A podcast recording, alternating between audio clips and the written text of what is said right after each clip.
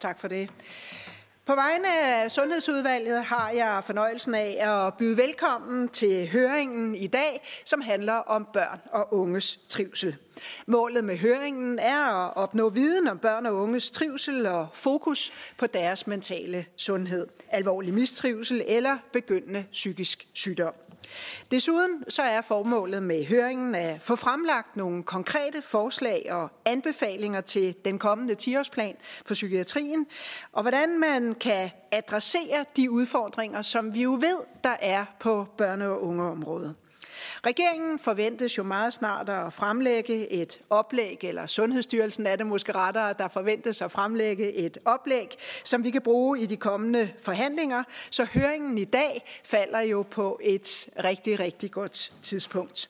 Jeg vil gerne starte med at sige en særlig tak til dagens oplægsholder. Vi er meget glade for, at I alle sammen prioriterer høringen, og I har afsat tid til at hjælpe os med at blive klogere på et meget vigtigt emne, som vi ved, at mange er optaget af. Så jeg vil starte med at sige velkommen til Nomi Katnelson, som er professor og leder af Center for Ungdomsforskning på Aalborg Universitet og København. Er det korrekt? Det var godt. Og så vil jeg sige velkommen til Carsten Obel, professor, Institut for Folkesundhed på Aarhus Universitet. Linda Hardestig Bramsen, som er formand for Børne- og Ungepsykiatrisk Selskab og ledende overlæge i Børne- og ungepsykiatrien i Region Nordjylland.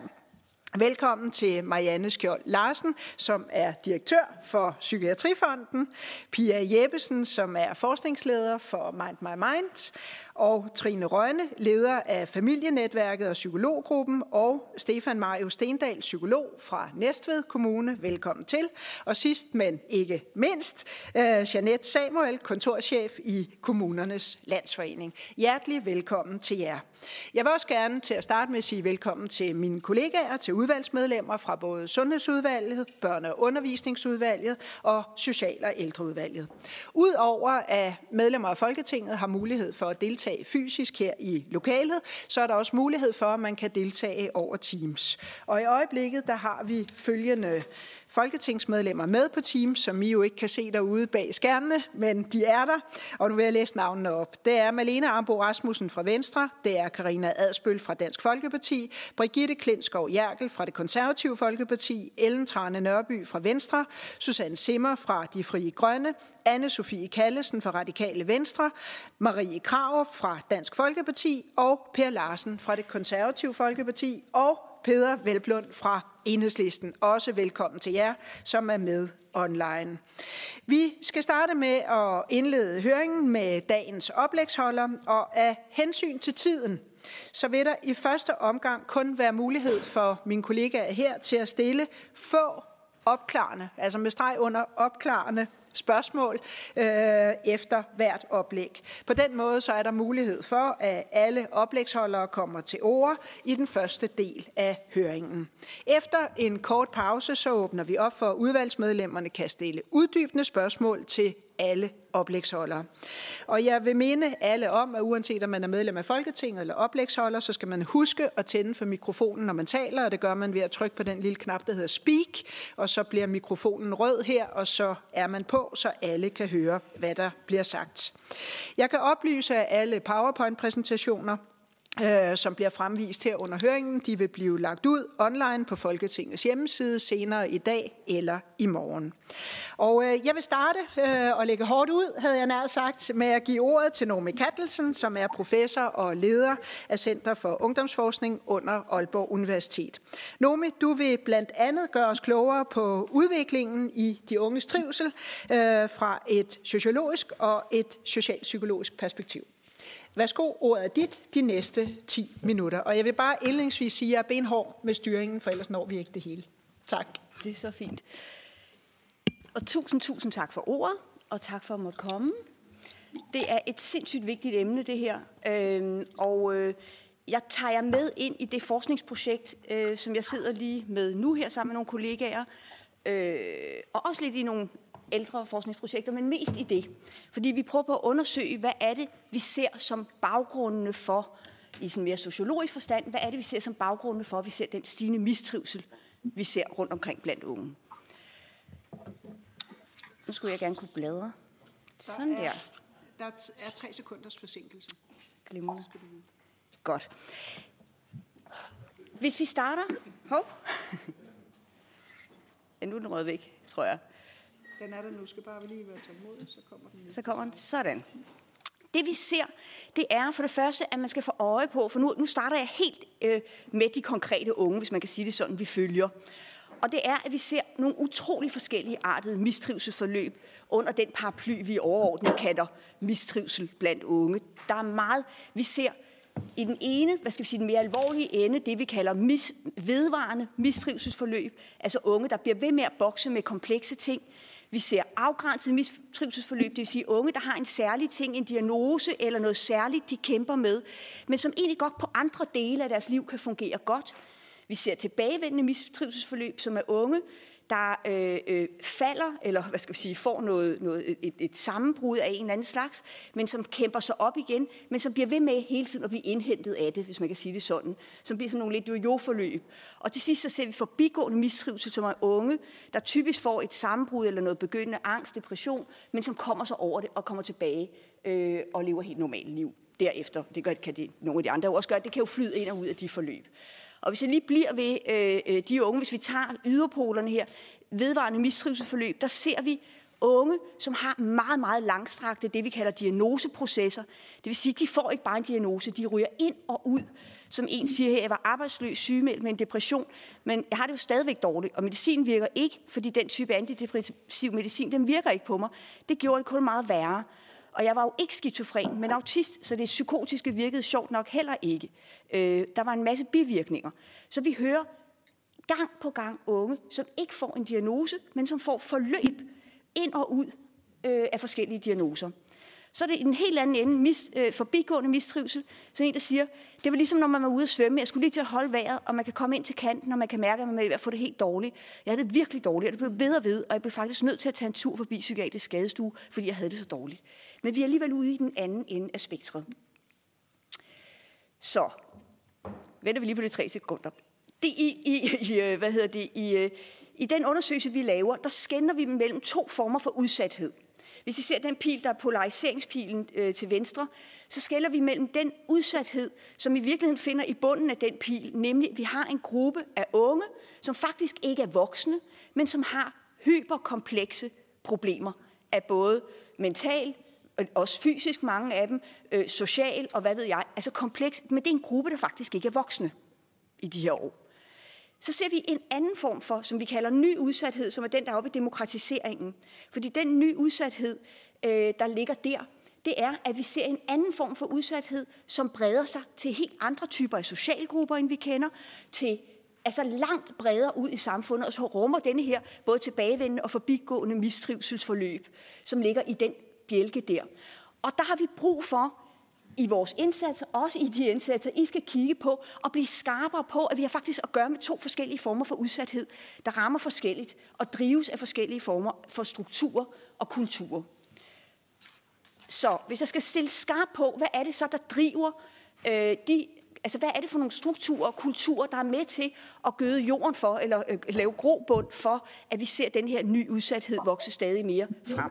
Det kan være nogle fænomener. 8.38 som... Undskyld, der er en, der er med online, der har mikrofonen tændt. I må gerne slukke.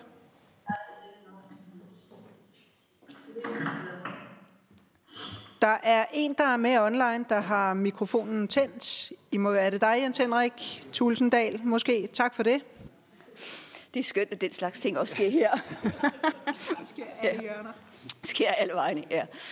Nå, jeg, jeg, øh, jeg, vil prøve, jeg vil lige gå kort igennem for jer, fordi det er jo nogle omfattende analyser. Det bliver, det bliver kort og, og, og sådan øh, meget hurtigt gennemgået, kan man sige.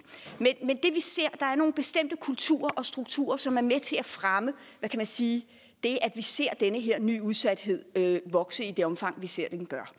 Det ene fænomen, det er, det, det er acceleration. Det er en oplevelse, og det er ikke kun en oplevelse hos de unge, men det er også en struktur i vores uddannelsessystem på vores arbejdsmarked, at vi har set gennem mange år en fortætning af, hvad skal man nå hvornår. Altså, ja, man kunne komme med uendelig mange eksempler. Øh, skulle man kunne Pythagoras, når man startede i 1. G for et antal år siden, så skal man kunne det i 8. klasse nu. Øh, der er simpelthen fortættet hele vejen. Man skal starte hurtigere i skole. Man skal, altså fortætningen gør, at der bliver en oplevelse af acceleration og tempo, som den sidste pige, jeg interviewede øh, lige her før jul, hun formulerede det sådan. På en måde er det som om, man har ikke tid til også at være et menneske, der sker andre ting for. Det kunne jeg sige mere om, men det vil jeg ikke gøre. Men der er en oplevelse af tempo, som vi skal gøre noget ved politisk, fordi vi, vi producerer denne her udsathed selv, var lige at sige. Vi er med til det. Så er der præstation. Det har vi hørt rigtig meget om. Det vil jeg heller ikke sige så meget om. Men man kan sige, det der er at sige om det præstation, det er, øh, spørg næsten enhver ung, og vi kan se det i alle undersøgelser, at oplevelsen af, at man skal præstere ikke kun på skolearenaen, det er også en social præstation. Er der nogen, der gider være i gruppe med mig? Øh, er der nogen, der vil arbejde? Altså, får jeg lov at være med i fællesskabet, hvis jeg ikke kan følge med sådan og sådan? Så det er præstation, der flyder faktisk ud. Og så kommer jeg til den sidste, og det er ikke fordi, den er vigtigere end de andre, men det er fordi, jeg tænker, at de andre, dem kan I hurtigere forbinde jer til at genkende. Den sidste kræver måske det flere ord, så den vil jeg lige sætte flere ord på. Men den kalder vi psykologisering, og som er en del af en, kan man sige, bevægelse, der har været samfundsmæssigt gennem mange, mange år, hvor vi ser, øh, kommer de tre sekunder igen her, hvor vi ser, at øh, øh, vi alle sammen og noget, der giver os rigtig meget godt, men også nogle svære ting, øh, øh, får psykologi ind, får psykologisk sprog ind i vores hverdagssprog, øh, når vores selvforhold ændrer sig på den måde, at vi bliver mere optaget af, hvad der foregår indadtil. Det er der også store industrier, der er med til at, øh, øh det være så lige medicinalbrancher, men jo også selvhjælpsbøger og hvad ved jeg. Øh, så det er ikke fordi, og, og, og digitalisering spiller også en rolle her, så der er også strukturer, der ligger bag denne her bevægelse. Men den her psykologisering, den fører til to ting, som vi vil pege på. Det ene, det er, at den fører til et intensiveret selvforhold for, for rigtig mange af os som kan være, øh, at vi får et rigt sprog for det indre, at vi øh, får børn og unge, der er bedre til at være skarpe på samarbejdsrelationer, og hvor står de, og hvor, altså sådan et, et, et meget mere rigt sprog for det, der foregår indadtil. Men det, det, har en, det skal balanceres hårfint. Fordi det kan lynhurtigt gå over i det, der hedder den selvvurderende introspektion, hvor man får blikket indadtil, hvor man vurderer også, øh, føler jeg nu det rigtige? Og vi hører gang på gang de her unge have fortællinger, som læner sig ind i det depressive. Altså fortællinger om, jeg er ikke god nok til, og jeg burde føle mig mere, og hvorfor kan jeg ikke være 100% mig selv? Jeg burde også føle mig 100%, og så bliver de vrede på sig selv, og jeg burde øh, øh, øh, jo bare kunne være mig, og hvis jeg bare kunne være mig, det kan jeg se, at alle de andre kan. Og, altså, det er sådan den selvvurderende introspektion, hvor det her vender sig ind af, og hvor præstation siver ind i selvforholdet, hvis man kan sige det sådan. Så det, jeg siger ikke her, at det ikke er vigtigt at snakke om det, der er svært, men jeg siger, at det skal gøres meget, meget delikat. Fordi vi kan også booste til denne her, så den tager kammer over. Så det vi ser på tværs af de her tendenser, det er, at vi ser, at både acceleration, præstation og psykologisering samlet set giver, øh, og nu kender I det her klodsmajor-tårn, tror jeg, fra et eller andet barnelegetøj. Øh, vi får nogle ungdomsliv, som på en måde er meget højt stablet tårn. Og de kan egentlig godt være relativt solide i bunden, men, øh, altså sådan, så man har haft meget godt med sig. Men der kan komme for meget på.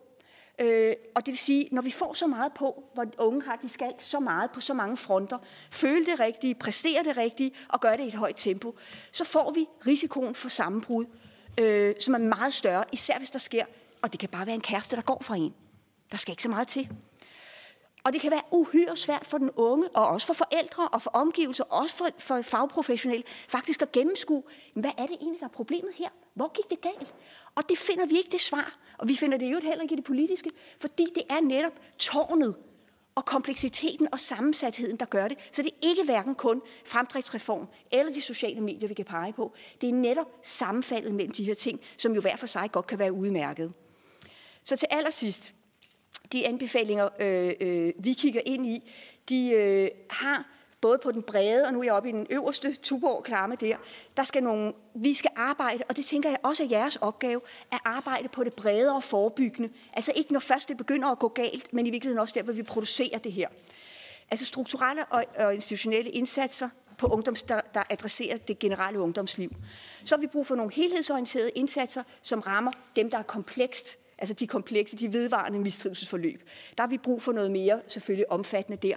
Og så har vi brug for nogle mere konkrete øh, enkelte indsatser i forhold til psykolog, psykiske udfordringer, der ligger over i den mere forbigående mistrivsel. Sådan så vi på en måde skældner mere skarpt mellem, hvor det er, vi sætter ind, og med hvad på hvilke niveauer. Så kort opsummerende, så øh, vi har brug for en generel nedsættelse af fokus på præstation og tempo. Så har vi brug for nem adgang til støtte på uddannelsen, når der opstår udfordringer, og det gælder for alle typer af forløb. Øhm, og så er der individuelt tilpasset psykologforløb uden tydelig udløbstid, og det er egentlig bare lige for at give jer den med, fordi det signal, vi hører lige nu fra de unge, øh, senest den pige, jeg interviewet lige her før jul, det er, ja, så får jeg at vide, når jeg kommer til psykolog, jeg har fået fire gange, men hvad hvis jeg ikke har det bedre? Man har faktisk brug for at blive set der, hvor man er, og have en oplevelse af, at man får hjælp, og det ikke er en hjælp, der er statistisk bestemt af en eller anden øh, regel i Folketinget om, hvor mange man nu skal donere til hvad. Så, så hvordan man får det igennem, det ved jeg ikke, men, men ja. Og så helhedsorienterede koordinerede indsatser til der, hvor vi ser den tilbagevendende mistrivsel, fordi det er der selvfølgelig i høj grad brug for. Det var mine ord. Tusind tak, Nomi, for at indlede med et meget, meget stærkt øh, oplæg her. Øh, jeg lovede før, at der ville blive plads til et øh, kort opfølgende spørgsmål, og det kan jeg se, der har Camilla Fabricius. Værsgo. Tak, og tak for det ufattelig interessant og også øh, spot-on øh, øh, oplæg her. Mit spørgsmål går på, om når jeg hører dig adressere det her, så er det i virkeligheden ikke bare konkrete indsatser, så er det en samfundsdiskurs, vi er nødt til at kigge ja. på. Er det rigtigt? Det er fuldstændig rigtigt hørt, ja. Selvfølgelig suppleret med konkrete indsatser, men ja, jeg ser øh, i sol og måne, øh, så ser jeg, at det her, det er bare noget, der vokser. Og det gør det jo i hele den vestlige verden. Øh, så jeg ser, at det er en samfundsdiskurs, og jeg synes, vi skulle gå foran i Danmark med at prøve på at finde nogle nye veje, fordi jeg tror, at det her eksploderer mellem hænderne på os. Ja. Tak for det. Så har Marianne Hjelved, Radikale Venstre, også et kort opfølgende spørgsmål. Værsgo. Ja, jeg har 12 børnebørn i alle aldre. Og de er, de er alle som unge og op efter. Ikke? Der er ikke nogen af dem, der fejler sådan noget her. Hvorfor slipper nogen, og ikke alle? Altså, hvad er det for nogle mekanismer, der gør, at nogen bliver særligt sårbare? Altså, vi ser, det er fuldstændig markant, at de støttefunktioner, man har omkring sig, er afgørende for, hvad det er for udfald, om vi har at gøre med forbigående mistrivselsforløb eller øh, mere vedvarende. Altså så social baggrund spiller en kæmpe rolle, og hvad det er for nogle, hvad skal vi sige, også menneskelige ressourcer, ikke kun økonomiske, men også menneskelige ressourcer, der er omkring sig. Så man kan sige, at dem, der bliver ramt, det er dem, der typisk har lidt ud over, hvad der er på den normale ungdomspalette. Problemet er, at den er spændt så hårdt ud, at der skal faktisk ikke særlig meget til. Så selv unge, der egentlig, hvor du kan sige, hvad er grunden egentlig? Der kan, være, der kan dukke ting op. Men heldigvis har vi, altså hvis vi ser på statistikkerne, så er der jo øh, øh, på den anden side er 50 procent, jeg tror det er 54 procent i den undersøgelse, vi selv har lavet, øh, af unge, øh, som har det fint og har et rigtig godt ungdomsliv. Og der har vi jo til gengæld også et samfund, hvor vi har mulighed for at have nogle altså fuldstændig fantastiske og enestående globalt set ungdomsliv. Så vi har jo, det er jo en enorm dobbelthed, der ligger i det her. Tak for det. Så, kan, så er der et kort opfølgende fra Lislot, og jeg vil opfordre til korte spørgsmål og korte svar. Tak. Der bliver mulighed for, at vi kan stille spørgsmål senere. Forsker man i robusthed? Det er der nogen, der gør. Det gør jeg ikke. Øh, og det gør jeg ikke af en bestemt grund. Øh, øh, og det, det mener jeg er rigtig fint, at der er nogen, der gør. Øh, men, men robusthed er jo blikket på individet. Øh, den her udsathed, der mener vi skal lede efter årsagerne i samspillet mellem individet og de kontekster, de indgår i. Fordi når vi har at gøre med så mange unge, så er det ikke det enkelte individ, der er svaret, men så er det samspillet med konteksterne. Så har vi at gøre med et sociologisk fænomen også her, hvor vi skal finde svarene i de samspil øh, og i de rammer og strukturer og vilkår, vi stiller til rådighed for ungdomslivet. Så, øh, så, øh, så derfor mener jeg, at det er afgørende, at vi får et fokus på det, snarere end på den enkelte. Tak for det. Så er der et kort opfølgende spørgsmål, også fra Ellen Trane Nørby, og jeg kan også oplyse, at Lotte Rod fra det radikale Venstre og Jens Henrik Thulesen Dahl er med på øh, online-forbindelsen. Ellen Trane, værsgo. Tak for det. Øh, tak for øh, dit rigtig gode oplæg, Nomi.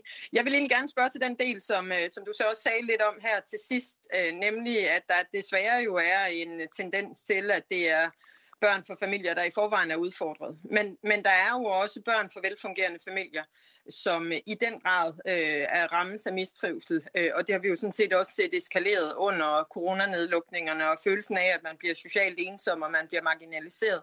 Men kan du sige noget om sådan opklarende, om I i jeres forskning har noget i forhold til, hvordan øh, det fordeler sig socialgruppemæssigt, eller, eller hvad vi kan sige. Altså, så hvor, hvor mange af de unge, øh, som vi taler om, ligger i hvilke indkomstgrupper eller socialgrupper? Tak. Inden Naomi svarer, så får Lotte Rod, Radikale Venstre, øh, lige ordet også for et kort spørgsmål, og så er talerlisten lukket. Værsgo, Lotte. Også bare uh, tusind tak for et uh, meget spændende oplæg for mig. Øh, jeg er lidt interesseret i, Nomi, om du kan sige noget om det her med, hvordan modvirker vi psykologiseringen? Fordi jeg er jo meget optaget af, at vi skal skabe stærkere fællesskaber og mere leg. Øh, Børn har brug for at være mere udenfor. Altså hvor man netop ikke kigger ind i sig selv, men er i noget, der er noget andet end en selv. Men øh, ved du noget om det, og kan du sige noget mere om, hvad er egentlig øh, det vigtigste, vi styrker? Super relevante spørgsmål øh, fra jer begge to. Er, øh, jeg starter lige med dit, øh, øh, Lotte, til sidst her. Altså, jeg er, øh, tror helt sikkert, at svarene ligger i fællesskaberne og i at prøve på at rette et blik ud. Men også i, fordi vi har også vundet en masse ved psykologiseringen. Øh, vi får også et rigere forældre-børn-forhold. Øh, øh, altså, der er faktisk mange gode ting ved det. Jeg tror, det vi skal være opmærksom på, det er, at vi ikke får lavet nogle øh, institutionelle tiltag, hvor vi tager det ind i skolerne og ind på vores institutioner og sat i system det her med, at vi skal tale om det svære, uden at vi ved, hvordan vi gør det. Jeg tror, vi skal fare meget delikat frem der. Øhm, så, så, så jeg tror, vi har masser at lære i, hvordan er det, vi har den psykologisering og har de gode ting, der følger med den øh, i vores relationer, men samtidig håndterer det på måder, hvor vi ikke kommer til at vækste øh, det her blik indad til, så det kommer til at blive så stort, at vi glemmer fællesskaberne og det fælles tredje og det udenfor. Øhm, ja, jeg tror, klimakrisen spiller en rolle her også, men det, det er en længere snak. Øhm, Ellen, dit spørgsmål øhm, om det med social baggrund, det, du rammer altså spot on i forhold til noget, der har fyldt rigtig meget i den her undersøgelse, og vi har prøvet, altså jeg kan ikke sige, hvor mange gange vi har prøvet på at segmentere vores data og de unge i, om vi kunne se noget mønster i, hvordan social baggrund slog igennem i forhold til hvilket... Øh, øh, og vi kan se, det spiller en rolle for, hvilken hjælp de får. Men det, det er fordi, der er, som du siger, også mange familier og, og unge, der rammes af familier, som ikke har en negativ social baggrund. Så det er faktisk meget mere komplekst end det. Øh, for det, det breder sig ud, så der er noget ved den her nye udsathed, som faktisk rammer både øh, socialt ulige, men som også rammer demokratiserende, som øh, øh det vi kalder det, altså meget, meget bredt. Øh, så det snarere er hjælpeforanstaltningerne i virkeligheden, hvor vi ser den sociale baggrund slå igennem, snarere end at unge bliver ramt af det. Så der er noget i det helt generelle ungdomsliv, vi, vi, vi tilbyder unge i dag, som er med til at, kunne, at skabe den her udsathed. Tak for det. Så går vi videre til et nyt spændende oplæg, og det er Carsten Nobel, professor ved Institut for Folkesundhed, Aarhus Universitet. Og Carsten, du vil blandt andet fortælle noget om projekter, der hedder børnungeliv.dk, som jo understøtter kommunernes arbejde med at undersøge og forbedre børn og unges trivsel. Og inden du får ordet, så vil jeg lige oplyse, at Charlotte Broman Mølbæk fra Socialistisk Folkeparti også er koblet op online. Men ordet er dit, Carsten, og værsgo. Jamen, tusind tak for ordet, og jeg synes, øh, tak for at sammensætte det på den her måde. Jeg synes, det passer meget fint, at jeg kommer efter dit oplæg. Jeg vil prøve at tage fat i nogle konkrete bidrag til måske den her 10-årsplan, hvor vi kunne tage fat i at forebygge nogle af de ting, som øh, du har talt om.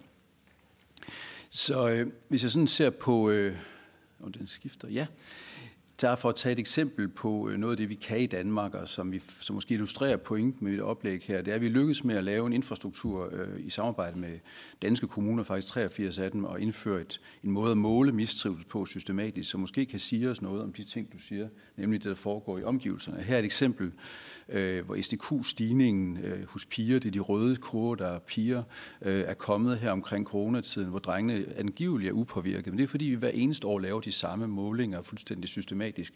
Og det gør jo så, at man får et, et klare billede af, øh, hvad øh, der kan ske ude i samfundet, som måske påvirker de unge. Og det synes jeg er en god guideline, øh, og, og kan man sige en god mulighed øh, for at følge med i det her, også kunne guide politik.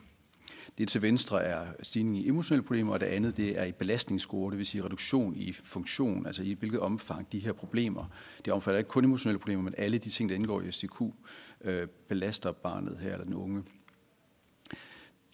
Hvis man tager øh, lige et skridt tilbage her og se på, hvad er det egentlig, vi vil kunne komme op med her, så kan man sige, at vi, vi har faktisk over de sidste 20 år øh, udviklet ingredienserne til at kunne lave noget ret visionært i Danmark. Og grunden til, at jeg har den sorte svane med her, det er Robert Goodman, som har opfundet SDQ. Han har haft mange gange i talesat Danmark som det sted i verden, vi måske kunne bevise, at ikke alle svaner er hvide, men at der faktisk er et sted, hvor man kan lave sammenhængende forebyggelse af mistrivsel.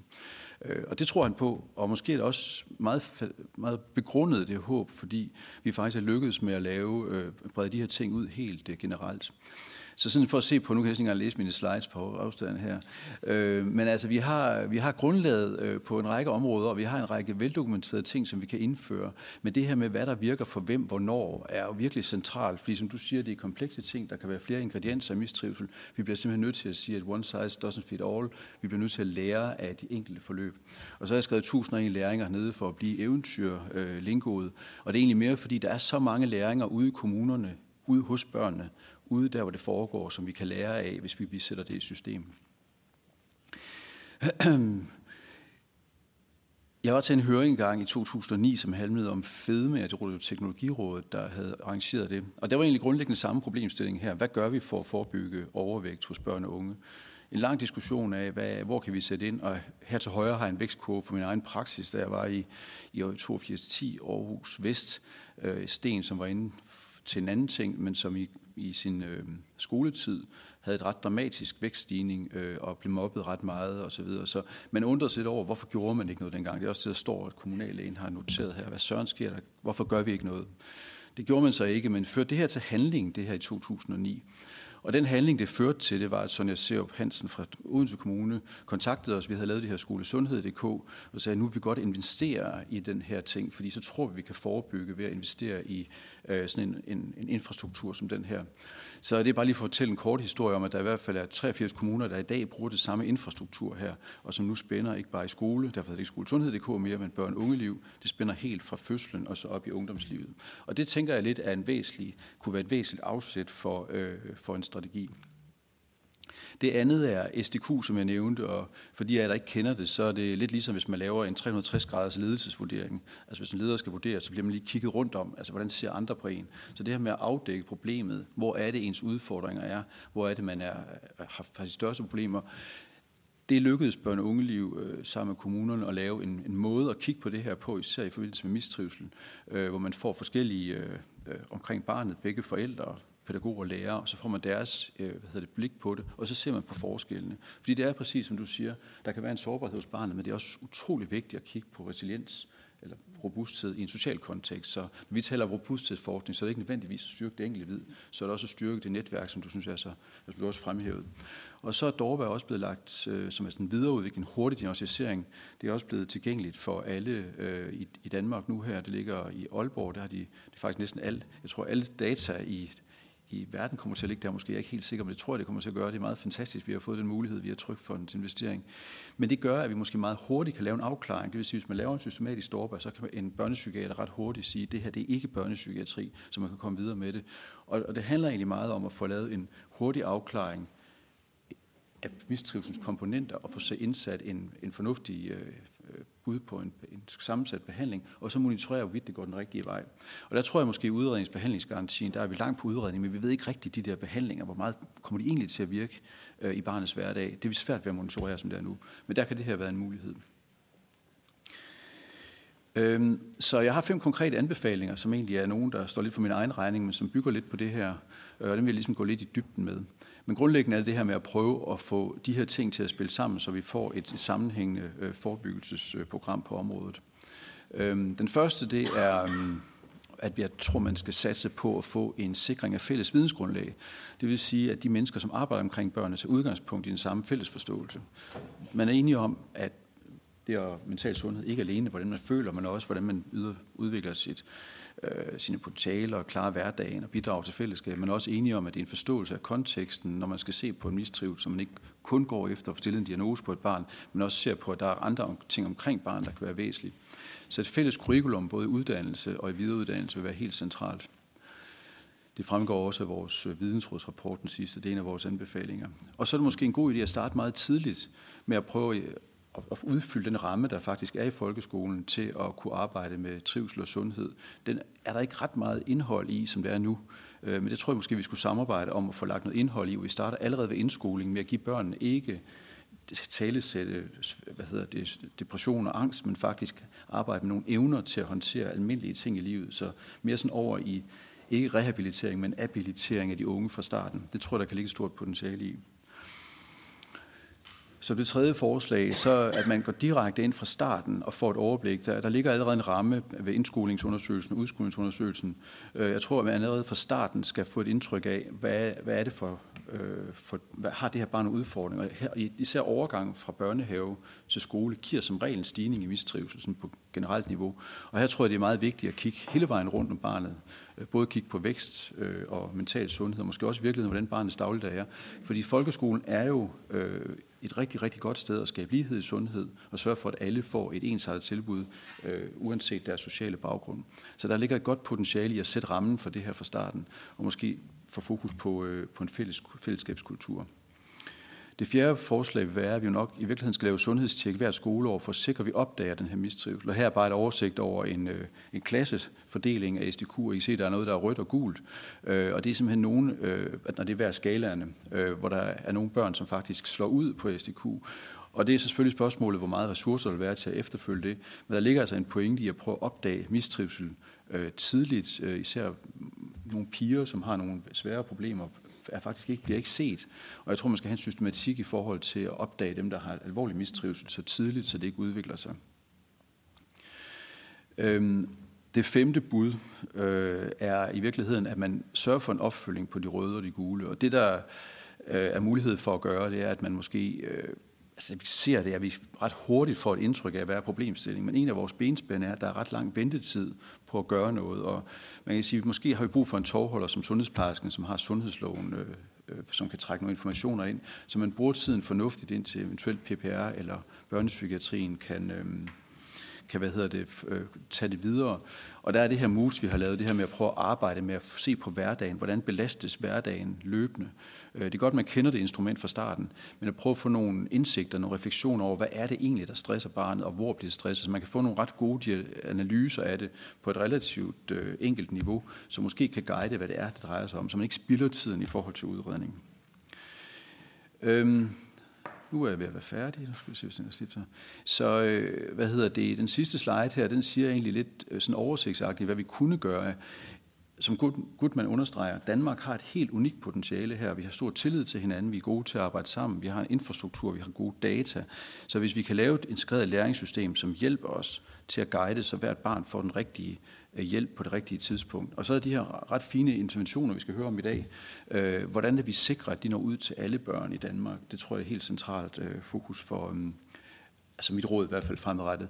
Men det, det vigtigste at sige, det er, at, øh, at Danmark har faktisk en ret unik mulighed for at, at vise, at det her, man kan reducere mistrivsel. Du siger, at det ude i verden er det er lige så stort, men det er her, vi reelt kan gøre noget ved det. Tak for ordet.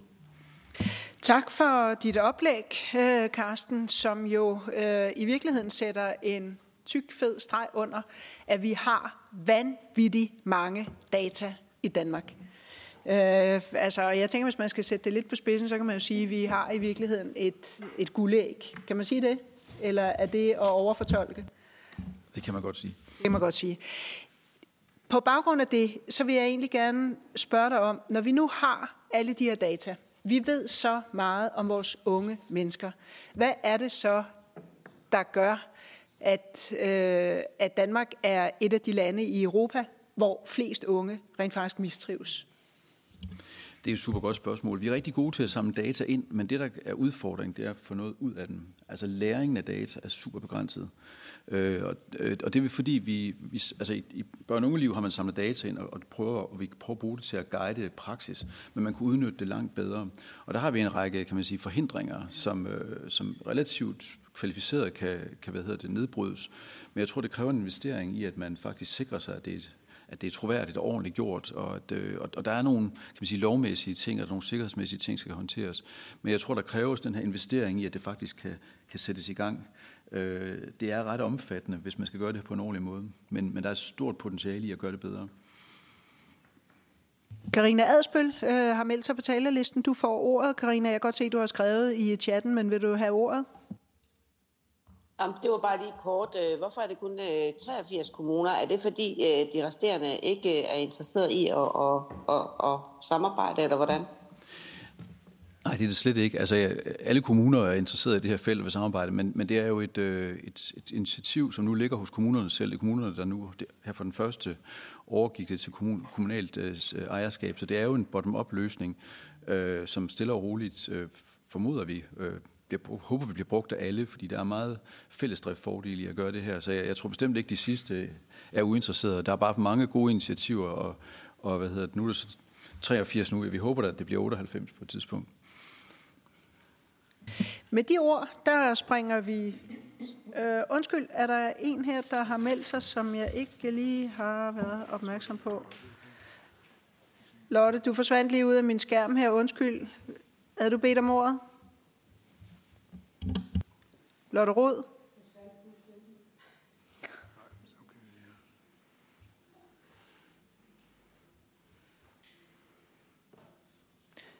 Lotte, du har en hånd op. Er det en ny eller en gammel hånd? Det var en gammel hånd. Godt.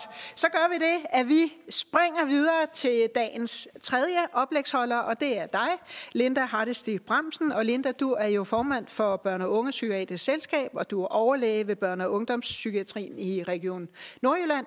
Glæder os til at høre dit oplæg. Vi har jo talt sammen før, og jeg ved, at du har meget på hjertet. Så ordet er dit. Værsgo. Ja, jeg skal forsøge at holde mig på de 10 minutter.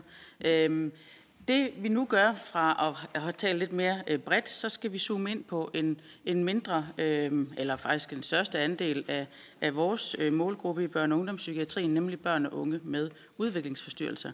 Det er det, øh, der er opdraget øh, for os i dag. Og vi bruger også samme øh, beskrivelse, rette indsats til rette barn på rette tid. Og det er helt essentielt, at vi kommer til at tænke om det. Øh, der er rigtig meget, vi gerne vil have fokus på i den kommende 10-årsplan, men her der adresserer vi så det, som man er født med øhm, i forhold til at tænke anderledes om forebyggelse, end jeg tror, de fleste måske gør. Det vi gerne vil adressere, det er, at det at være født med autisme, øh, med ADHD, ADD, mental retardering, ordblindhed, det er det, der hedder udviklingsforstyrrelser. Det kan man ikke tale væk, det kan man ikke øh, nødvendigvis medicinere væk. Man kan måske hjælpe, men det er rigtig vigtigt at vide, at det, der bliver forebyggelsen her, det er tidlig opsporing og diagnostisering. Og det tror jeg nok er en anden måde at tale om forebyggelse på, end mange tror i virkeligheden. Det, der bliver vigtigt, det er, at der også er en betydelig arvelighed, nu når vi snakker om forskellige vilkår i forskellige familier. Der vil man også se, at nogle forældre har de her vanskeligheder, og måske ikke er blevet diagnostiseret, fordi det gjorde man ikke tilbage dengang jeg var ung eller barn. Så det handler også om at prøve at erkende og anerkende, at det nogle gange kræver, at man faktisk bliver henvist til børne- og ungdomspsykiatrien, og ikke synes, at det er synd og skam. Det vil være børn og unge, som har funktionshæmning, som faktisk har behov for indsatser, og ikke kun fra børne- og ungdomspsykiatrien. Det er rigtig vigtigt også, at vi kommer til at slå det fast, at der ikke, vi mener ikke, at der er nogen sektor som sådan, der kan løse problemet. Der er simpelthen brug for, at vi rykker sammen i bussen. Symptomerne kan fremtræde utrolig forskelligt, og derfor er det vigtigt, at vi har noget flerfaglighed ind over, og at vi faktisk arbejder sammen, og at der på den måde kan være let tilgængelig øh, viden at hente hos os. Men som I også har sagt, så er der også rigtig meget viden, der ligger ude i kommunerne, og derfor skal vi på den måde øh, kunne arbejde mere sammen. Det er vigtigt at sige, at det kan kræve specialistviden, Men det betyder ikke, at, at vi som børne- og ungdomspsykiater skal eje det hele, og at vi ved bedst. Vi ved noget, og så ved I andre en anden del. Øhm, det, der er vigtigt også at sige, det er, jamen, at det, kan det være øh, en mental retardering? Generel forsinkelse, altså en generelt forsinket øh, udvikling. Altså statistikken siger, at det forekommer ved 2-8 procent med en IQ på 70. Og det er rigtig vigtigt, at vi også tør tale om det her. At der er faktisk nogen, der måske skal have en anden form for hjælp øh, tidligt i forhold til generelle øh, læring, indlæring. Øh, men også dem, med, med, som er gennemgribende forstyrret. Det vil sige, at det er forstyrrelser på flere niveauer og, og settings, både i skole og hjem og i fritid, i forhold til autisme og ADHD og ADD. Grunden til, det er så utrolig vigtigt at finde det her, det er, at øh, der, der tit er samtidige øh, tilstande og udviklingsforstyrrelser, men også at risikoen for at udvikle følgesygdomme. Det er derfor, vi skal finde de her børn og unge tidligt. Og det er jo et normalt spektrum. Så nogle gange så kan man tænke, på det her uro, hvad er det for noget? Er det ADHD? Det er faktisk ikke sikkert, at det er det, men lad os undersøge det sammen. Bare lige for at sige det kort, så er der jo kæmpe forebyggelsespotentiale generelt set. Alle, eller 50 procent af de psykiatriske tilstande, de manifesterer sig før det 14. år. Og selvom der er en stejl stigning i antallet af ydelser øh, for udredning og behandling, så ses den største stigning, også i for eksempel England, at det er inden for øh, børn og unge med udviklingsforstyrrelser, ADHD, ADD og autisme. Og det, der bliver vigtigt her at sige, det er, at den forekomst er ikke øh, øget i baggrundsbefolkningen. Så det, at stigningen øh, kan vække bekymring, der skal vi huske nuancerne i at sige, jamen det kan jo faktisk godt være, at det betyder, at vi finder flere. Og det er faktisk en positiv kan man sige det. Hvis, jeg ved godt, det er mærkeligt at tænke, at, at en stigning i øh, antal af udredning og behandling, det, det er positivt. Men sådan kan vi godt se det. Fordi det er også et tegn på, at der er mere viden og mere afstigmatisering. Det er ikke så skamfuldt at få sit barn henvist.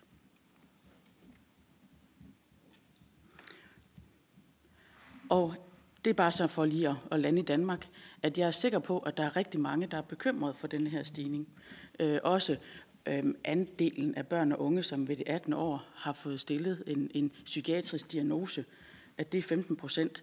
Men det er måske ikke så langt fra andre, øh, både høj- og lavindkomstlande, hvor det tal ligger omkring 13 procent. Så i virkeligheden, så er det jo ikke sikkert, at det er så øh, afvigende eller forskelligt øh, i det hele taget. Det her det er bare lige for at lige illustrere, at jeg godt forstå, at mange kan være bange for, så får alle børn og unge en diagnose. Det er slet ikke det, det handler om. Det, det handler om, det er at finde dem, der skal findes, således at vi kan opnå sådan et plateau. Fordi når vi finder dem, der skal opspores, så kan vi faktisk forebygge øh, måske de følgesygdomme, der kan opstå. Og det er noget af det, jeg lige vil komme ind på her. Først så vil jeg lige sige, Andelen af børn og unge med udviklingsforstyrrelser, det er cirka 60 procent af vores målgruppe, og 40 procent af cirka sygdomme. Og man kan ikke sådan adskille det så kategorisk. Men det er for at sige, at, der, at på den måde, så er tilstanden lidt forskellig af dem, vi, skal, vi får øh, henvisninger på. Og sygdommene, det er sådan noget som øh, angst og spiseforstyrrelse, depression, øh, OCD, men der er også andre forstyrrelser, personlighedsforstyrrelser og øh, tilknytningsforstyrrelser.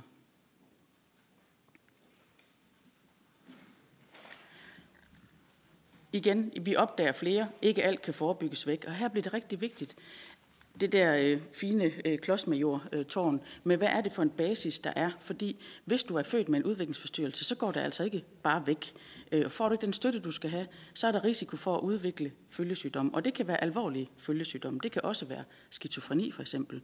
Øh, der er studier, der tyder på, at øh, 35 procent af børn diagnostiseret med atypisk autisme udvikler skizofreni eller psykosesygdomme som voksne. Øh, øhm, procent af dem, der er diagnostiseret med infantil autisme, udvikler også skizofreni. Jeg synes, det er rigtig væsentligt at tale om, at det her det er faktisk en, et rigtig godt sted at sætte ind som forebyggelse, og det kan udvikle sig til alvorlige sygdomme. Også dem, som øh, ikke bliver diagnostiseret og behandlet for sin ADHD, der ved vi også fra store rapporter, der er stor risiko for udvikling af både følgesygdomme, angst, depression, men også for misbrug og kriminalitet. Så det vi gør, vi ser dem. Vi skal se dem noget før. Vi ser dem bare alt for sent, som det er i dag. Og der er der et nyligt phd studie op i Region Nordjylland, der har vist, øhm, at over 50 procent af forældrene, som havde opdaget psykiske problemer eller forstyrrelser eller symptomer hos deres barn, der gik der jo mere end fem år, før de blev henvist ind til børne- og ungdomspsykiatrien. Og det er altså tegn på, at der er noget, der er noget øhm, et eller andet sted, så er der noget, der, der ikke går så glat, som det måske burde. Forældrene fortæller om, de ved ikke, hvor de skal søge hjælp, der er ikke nogen samarbejde, der er ikke noget sammenhæng. Øhm, de oplever sig også stigmatiseret øhm, af, af professionelle, der siger, nej, dit barn er der ikke derinde. Det, det er dig som forældre, der lige skal lære at sætte nogle grænser og nogle rammer. Så det, og så bliver der iværksat rigtig mange, måske uvirksomme tilbud, men i hvert fald, i hvert fald ikke noget, der afhjælper en udviklingsforstyrrelse. Og det, der også er væsentligt at sige fra det her studie, det er, at da de så blev henvist, 50 procent af dem, de blev faktisk henvist for en følgesygdom. Som angst, depression, spiseforstyrrelse. Det er enormt vigtigt, og så finder man så ud af bagefter, der er en udviklingsforstyrrelse. Øh, det er enormt vigtigt, at vi får dem her opsporet tidligt, og der bliver diagnostisering altså en forebyggelsesindsats. Det er bare lige for at sige, at der er flere veje ind til os, så vi skal også tænke almen praksis ind her. Det er faktisk ikke kun et samarbejde mellem kommuner og øh, børne- og ungdomspsykiatrien, men almen praksis skal også med, fordi der kan faktisk godt være fysisk sygdom, der er øh, årsagen til de symptomer, man nu har. Det her det er bare lige for at sige, at vi, har, vi er mange aktører rundt omkring familier, fordi der skal være sådan en, en øh, flerfaglig øh, indsats, samejerskab på en eller anden måde.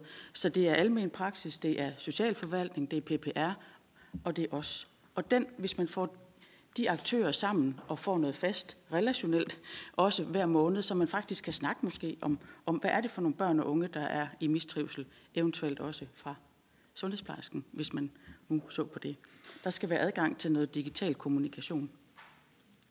Der skal også være lettere adgang til øh, inden hos os at få noget konsulentbistand. Det her, det er, vil jeg gå hen over. Det bliver væsentligt at sige, at, at indsatsen, altså man kan godt prøve forskellige indsatser, men man skal gerne evaluere. Man skal gerne bruge evidensbaserede indsatser, og hvor der er let adgang til den psykopatologiske, altså vores øh, faglighed. Og det betyder ikke, at vi ved bedst, men vi ved noget. Øh, og der er noget, som kræver øh, den viden omkring det. Og det vil også sige, at det ikke er gratis at, at tale øh, og gå og få psykologsamtaler øh, i lang tid, hvis det ikke er det, der er udfordringen. Fordi det at få det ene forløb efter det andet, og det ikke virker, det kan faktisk virke negativt. Så kan man få en opfattelse af selv, at man, jeg er simpelthen ikke til at hjælpe. Der er ikke nogen, der kan hjælpe mig. Jeg er så dårligt fungerende. Øhm. Det, der er vigtigt, det er, at vi kommer til at stå rundt om familien sammen som øh, et samlet system med samarbejde, sammenhæng og koordinering og de her forskellige fagligheder, som er utrolig væsentlige, og hvor vi taler om vidensdeling, måske frem for øh, kompetenceløft, men det er kompetencedeling, fordi vi hver især har hvor de forskellige kompetencer, og vi behøver ikke at, at kunne det, hinanden kan. Så det er rigtig væsentligt i forhold til at forebygge sygdomme, og også mistrivsel, som ikke nødvendigvis er en sygdom, men selvskade eksempelvis, for at øh, at sætte, at sætte ordentligt ind, så skal vi finde dem, de her børn og unge, eller børn skal vi gerne finde dem som. Jeg tror, den kommer nu. Den, den her, det er simpelthen det sidste, og jeg vil ikke læse den op, fordi det tror jeg ikke, der er tid til. Tak for ordet. Tusind tak, Linda, for at rette opmærksomheden mod børn med udviklingsforstyrrelser og sætte fokus på børn, familier og faglighed. Det er jo hvis man skærer helt ind til benet, i virkeligheden det, som det hele handler om. Øh, jeg kan oplyse, at Torsten Geil er med på Teams fra Alternativet, og Sten Knut fra Venstre er også med på Teams nu her. Øh, den første, der har ordet til et kort opklarende spørgsmål, det er Christina Thorholm fra Radikale Venstre. Værsgo. Ja, det handlede om, at øh, du havde en på en af de første plancher. 50 procent af alle øh, psykologiske tilstande starter før de 14 år. Jeg undrer mig over, at du skriver de 14 år, fordi du netop også skriver, at det sker alt for sent, så vi vil jo tro, at det var en meget lavere øh, aldersgrænse, der ville være relevant at i i forhold til, at vi kommer for sent i gang. For 14 år, det, det er jo det er en høj grænse, ikke? Det her det handler om de psykiatriske tilstande, altså øh, debut øh, af det, som vi kan erkende. Og det her det er jo både for børn og voksne, det er jo for alle i virkeligheden. Men de udviklingsforstyrrelser, man er født med, de er jo selvfølgelig til stede fra fødslen af. Det er klart.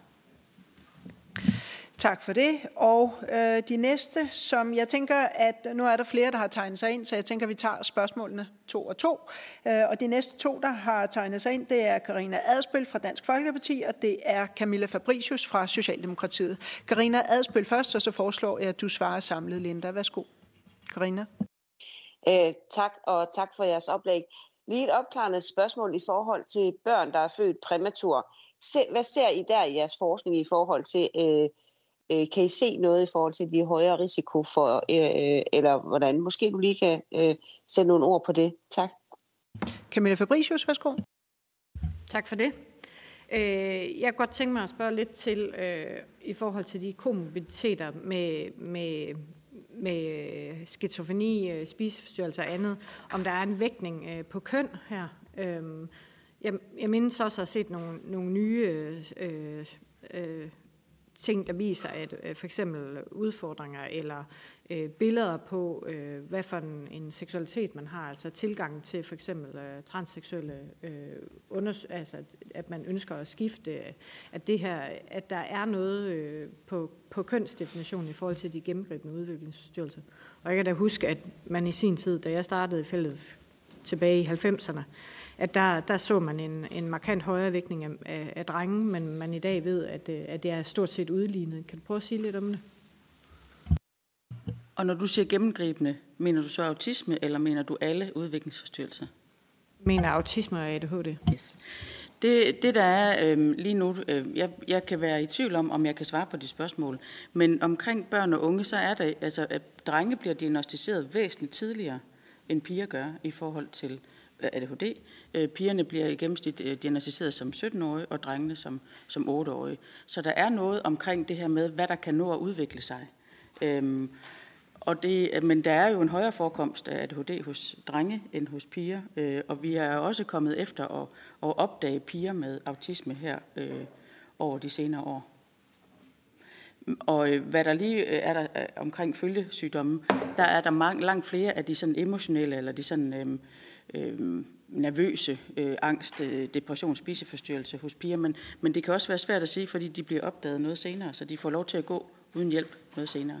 Og lige omkring øh, det med, med køn, øh, der kan jeg ikke svare her på nuværende tidspunkt. Der, det har jeg ikke nok viden om.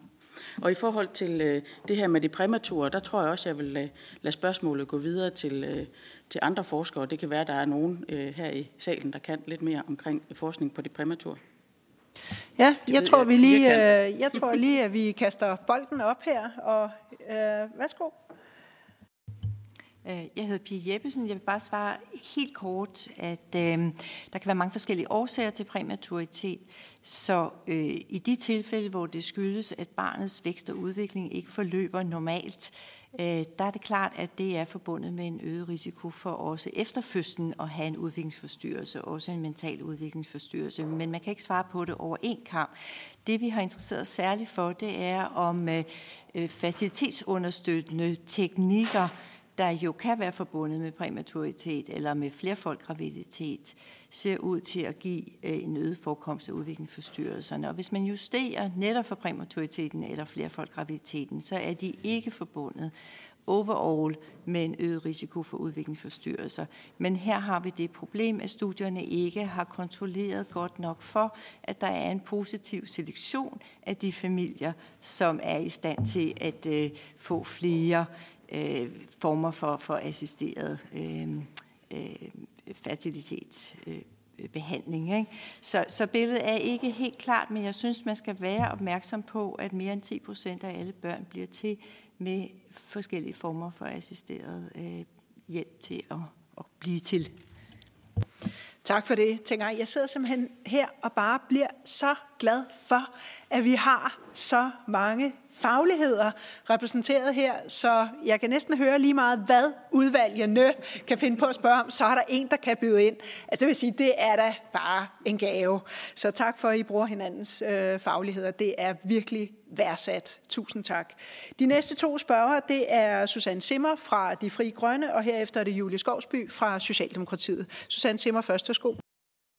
Ja, tak, og tak for de gode oplæg. Øhm, jeg synes, jeg hører meget, at det er et stort problem, at, øh, at det er svært at komme igennem systemet og få den hjælp, man har brug for. Og nogle familier oplever at blive sådan lidt kastebold frem og tilbage, inden de når frem til hjælpen. Og at øh, det forværrer situationen. Tak. Julia, værsgo. Tak for det. Mit opklarende spørgsmål det går på, øh, i forhold til den tidlige opsporing. Er det rigtigt forstået, at der kan være en... Øh, Øh, en sammenhæng mellem, at øh, forældre og familie har nogle mestringsstrategier, øh, øh faktisk har en, en god dagligdag og, og sund fornuft, som gør, at man ikke kan, øh, at, at vi nogle gange ikke ser eller kan foretage den tidlige opsporing.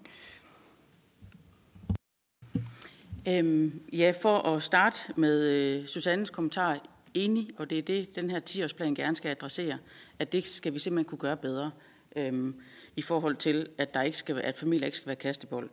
Og øh, dit spørgsmål, Julie, det er nemlig rigtigt, og det er jo derfor, at det, børnene er jo født med forskellige øh, personlighedstræk, og forældrene har forskellige kompetencer også.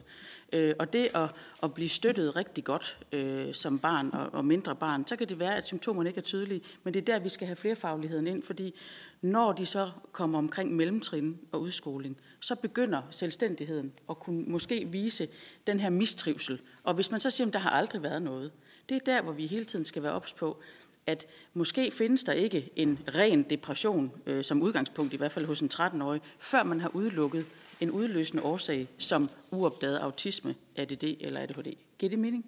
Ja. ja. Tusind tak for dine, øh, både dit oplæg, Linda, men også dine øh, gode svar. Og nu haster vi videre til den anden side af bordet, nemlig Marianne Skjold Larsen. Du er direktør for Psykiatrifonden, og du vil komme med nogle bud på anbefalinger til den tidlige indsats i kommunerne. Det glæder vi os til at høre. Ordet er dit. Værsgo.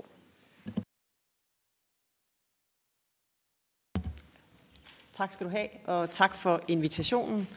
Øh, Psykiatrifonden har igennem mange år haft øh, fokus på forebyggelse af psykisk sygdom, og vi er rigtig glade for at få muligheden her i dag for at øh, dele vores anbefalinger for, hvad vi synes, der er vigtigt i øh, etableringen af en, øh, en tidlig indsats. Nu skal jeg lige huske det her. Yes. Meget kort om os. Hvis der er nogen, der ikke lige er helt klar over, hvem Psykiatrifonden er, så er vi en øh, privat sygdomsbekæmpende organisation, som har 25 år på bagen.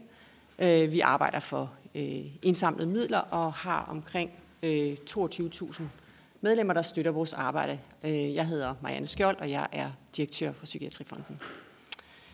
Jeg vil ikke komme så meget ind på, på selve udfordringsbilledet, det har vi jo allerede hørt rigtig meget om, men jeg vil alligevel lige kort øh, understrege udfordringernes øh, alvor og omfang. Øh, psykisk sygdom er jo en folkesygdom, øh, på samme måde som kræft og hjertekarsygdomme er det. De er kendetegnet ved at øh, have stor udbredelse i befolkningen. Der er en væsentlig sygdomsbyrde, og der kan også være øh, risiko for en, øh, en kortere levetid. I Danmark får øh, hver tredje af os en psykisk sygdom øh, i, øh, i løbet af vores levetid, og over halvdelen af alle psykiske sygdomme starter allerede i barne- og ungealderen, øh, som du også øh, var inde på, Linda. Så forebyggelsesvinduet er jo meget lille, og, øh, og det er derfor vigtigt, at vi prioriterer den tidlige indsats. Øh, det kan få alvorlige konsekvenser, hvis ikke vi gør det. Øh, både dansk og international forskning viser øh, eksempelvis, at der er en sammenhæng mellem psykisk mistrivsel og skoleværing. Øh, et langt var et øh, skolefravær kan få betydning for, hvor gode de unge er til at blive fastholdt i uddannelsessystemet, og øh, også øh, om de således øh, får kan man sige, fodfæste på arbejdsmarkedet. Så øh, det er rigtig vigtigt, at øh, vi får etableret en øh, tidligere indsats, som er rettet mod øh, børn og unge i mistrivsel, øh, så vi reducerer øh, risikoen for, at de øh, møder øh, store udfordringer senere hen i deres voksenliv. Som vi prøver at illustrere på den her øh, øh, tegning, så, øh, og som vi også allerede har været inde på, så er der jo øh, mange familier, som i dag oplever, at det kan, rigt, øh, kan være rigtig svært at finde ud af, hvor de selv kan henvende sig, når de har brug for hjælp til et barn, som har en psykisk mistrivsel. Øhm, de har svært ved at finde ud af, hvilken dør de skal gå ind af. Så øh, de har behov for at vide, øh, hvor de kan få hjælp, som er sammenhængende og som er koordineret og øh, som er uden ventetid. Så i stedet for mange forskellige indgange, så øh, skal den lige komme her. jeg synes, jeg har trykket. Nu er jeg bange for at trykke igen. Ja. ja. Yes. Så i stedet for mange forskellige øh, indgange, så øh, mener vi, at familien øh, skal møde øh, en let tilgængelig og tydelig indgang. Øh, vi ved fra et studie i Region Nord, at øh, halvdelen øh, af, de børn, der kom ind i børne- og ungdomspsykiatrien, de havde haft psykiske helbredsproblemer i mere end fem år. Og vi ved også, at forældrene havde været i kontakt med tre instanser forud for den henvisning. Så, så det kalder på en politisk handling. Vi har et dokumenteret problem, vi har et tydeligt behov, øh, og vi har også nogle løsninger på nogle af de her problemer. Så vi mener ikke, at der er nogen undskyldninger for ikke at, at få gjort noget. Øh, hvis vi vil forebyggelse, så er vi også nødt til at sætte en ny øh, standard. Og øh, i Psykiatrifonden, der foreslår vi derfor, at vi etablerer et nyt, virksomt og let tilgængeligt tilbud, som skal være ensartet på tværs af kommunerne. Det skal være et tilbud om forebyggelse og lettere behandling, som skal bestå af flere virksomme indsatser, der bredt set kan hjælpe børn og unge i øh, psykisk mistrivsel.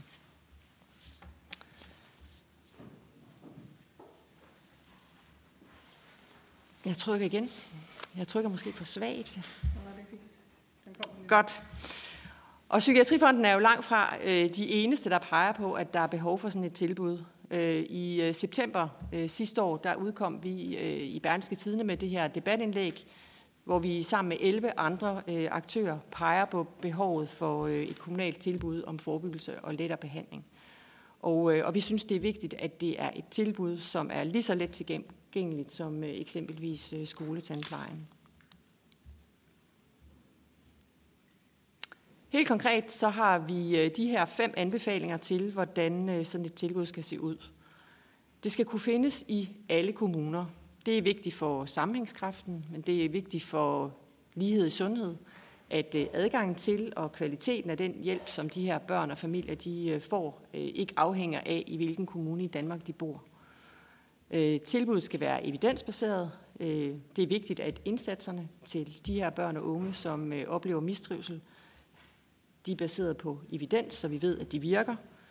De skal følges tæt, men de skal også udvikles løbende, så vi hele tiden sikrer, at den behandling, der bliver tilbudt, den også har effekt. Så skal tilbuddet være let tilgængeligt og hurtigt igangsat. Som jeg allerede har nævnt, øh, så er der jo flere forældre, der fortæller, at det i dag er vanskeligt for dem at finde ud af, hvem øh, de skal henvende sig til, og hvor i kommunen de skal henvende sig. Øh, de oplever lang ventetid, og der er jo en øh, risiko forbundet med det. Øh, det kan være, at børnene får det værre. Så ja, der bør være en, en let tilgængelig og tydelig indgang i alle danske kommuner, hvor børn og unge i psykisk mistrivsel og deres familier får den adgang, de, eller får den øh, adgang til hjælp, som de har, har brug for. De her tilbud skal selvfølgelig tilpasses øh, barnets behov. Øh, det skal planlægges ud for sådan en, en såkaldt step øh, care-tankegang, altså det skal være indsatser på flere forskellige niveauer, øh, hvor den enkelte indsats bliver tilpasset det behov, øh, behov og de udfordringer, som det enkelte barn har. Nogle børn har måske brug for nogle rådgivende samtaler og noget selvhjælpsmateriale. Andre børn, unge og deres familier kan have brug for mere intensiv tilbud fra øh, børn, øh, fra psykologer i kommunerne, og andre igen kan have brug for mere sådan specialiseret behandlingstilbud i børne- og ungepsykiatrien. Så derfor, som vi også har hørt øh, dig sige, Linda, er det jo rigtig vigtigt, at der er et tæt samarbejde mellem de kommunale instanser og, og børne- og ungdomspsykiatrien. Så er det vigtigt, at øh, tilbuddet skal hjælpe barnet hele vejen rundt. Øhm, det er øh, jo relevant, at øh, forskellige aktører omkring barnet, det kan være skolen, bliver inddraget i det omfang, der er behov for det. Mm, ja. Så helt kort opsummeret. Tilbuddet skal sikre, at barnet og deres familie får en hurtig afklaring og en hurtig adgang til den hjælp, de har brug for. At vi løbende følger, at de her indsatser øh, har effekt, og at de også bliver udviklet. Øh, og selvfølgelig viser det sig, at det her barn har brug for mere specialiseret behandling, øh, så er det også vigtigt, at der er en hurtig adgang ind i børne- og ungdomspsykiatrien. Og vi har faktisk øh, ikke råd til at lade være. Øh, psykisk mistrivsel kan jo have store øh, både menneskelige og samfundsøkonomiske omkostninger. Øh, psykisk mistrivsel øger risikoen for, at øh, de unge får vanskeligere ved at gennemføre en uddannelse. Øh, psykisk sygdom i barnealderen øh, eller i barndommen øh, øger risikoen for, at øh, de unge de ikke får deres 9. klasses afgangseksamen, eller at de kommer ud med et karaktergennemsnit, som er betydeligt lavere. Og øh, psykisk mistrivsel kan også udvikle sig til egentlig psykisk sygdom med tab af erhvervsevne og også øget brug af sundhedsydelser til følge. Så jeg vil bare slutte af med at sige, at øh, vi har brug for at prioritere den tidlige ansat, øh, indsats i forhandlingerne om øh, 10-årsplanen for psykiatrien. Vi skal sætte de her børn, unge og deres familier først. Tak.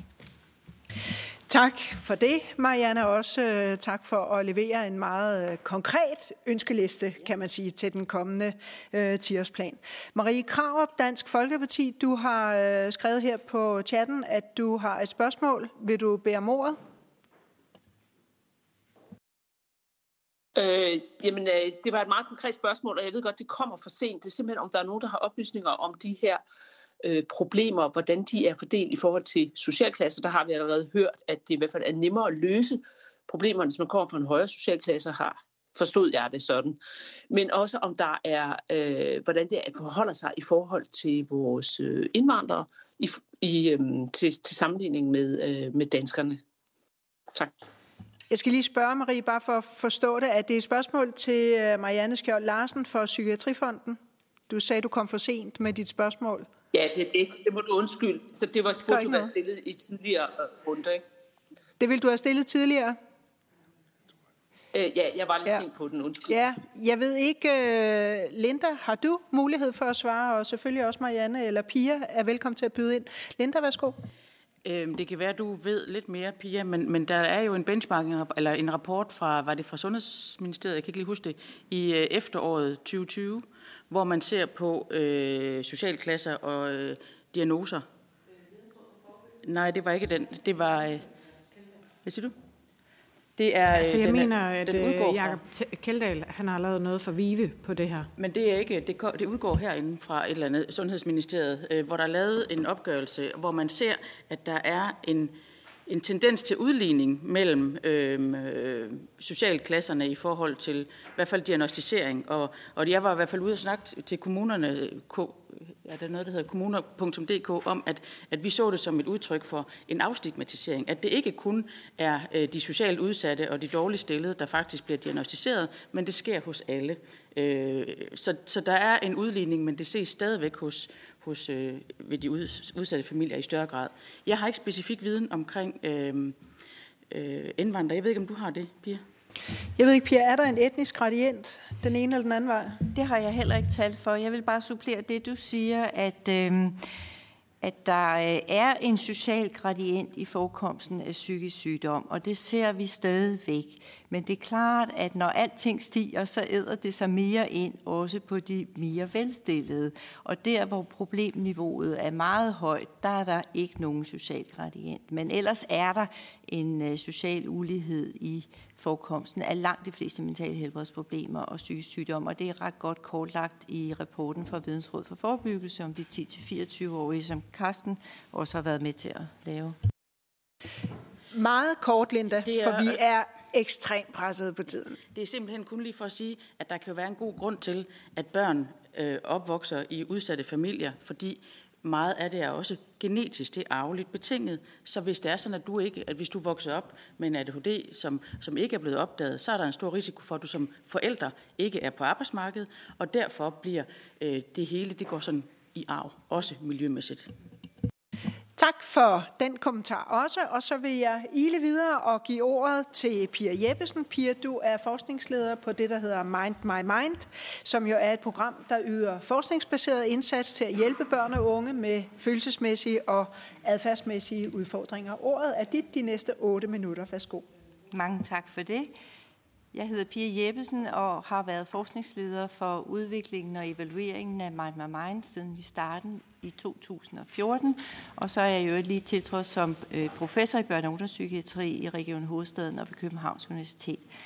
Vi har udviklet Mind My Mind til børn og unge, der har angst, depressive symptomer og eller adfærdsproblemer i skolealderen. Og det har vi gjort i samarbejde med øh, Trykfonden og med øh, Psykiatrifonden som dem, der står for driften af Mind My Mind i de kommuner, der nu er fortsat med at arbejde med det efter øh, forsøget. Og som led i evalueringen af Mind My Mind har vi øh, løbende været i kontakt med forældrene og stillet mange spørgsmål. Og det er helt klart, at forældre efterlyser og oplever som barriere generelt, at de øh, ikke bliver taget alvorligt. De efterlyser, at man bliver taget alvorligt, når man henvender sig øh, og beskriver øh, Øh, mentale helbredsproblemer hos sit barn. De efterlyser muligheden for at henvende sig selv, at der er en tydelig dør, de kan gå ind af, og at de så vil blive mødt af et sammenhængende og individuelt forløb, hvor de lærer og mestre vanskelighederne og støtte barnets udvikling videre frem. Og der også selvfølgelig er en opfølging på, om det her hjælper, om de rent faktisk får det ud af det, de skal have, eller om der er brug for noget andet. Og Mama Mind er udviklet som led i en step model og det er jo øh, noget, vi alle sammen er enige om er godt. Det er også sådan, kommunerne allerede arbejder med forskellige trin.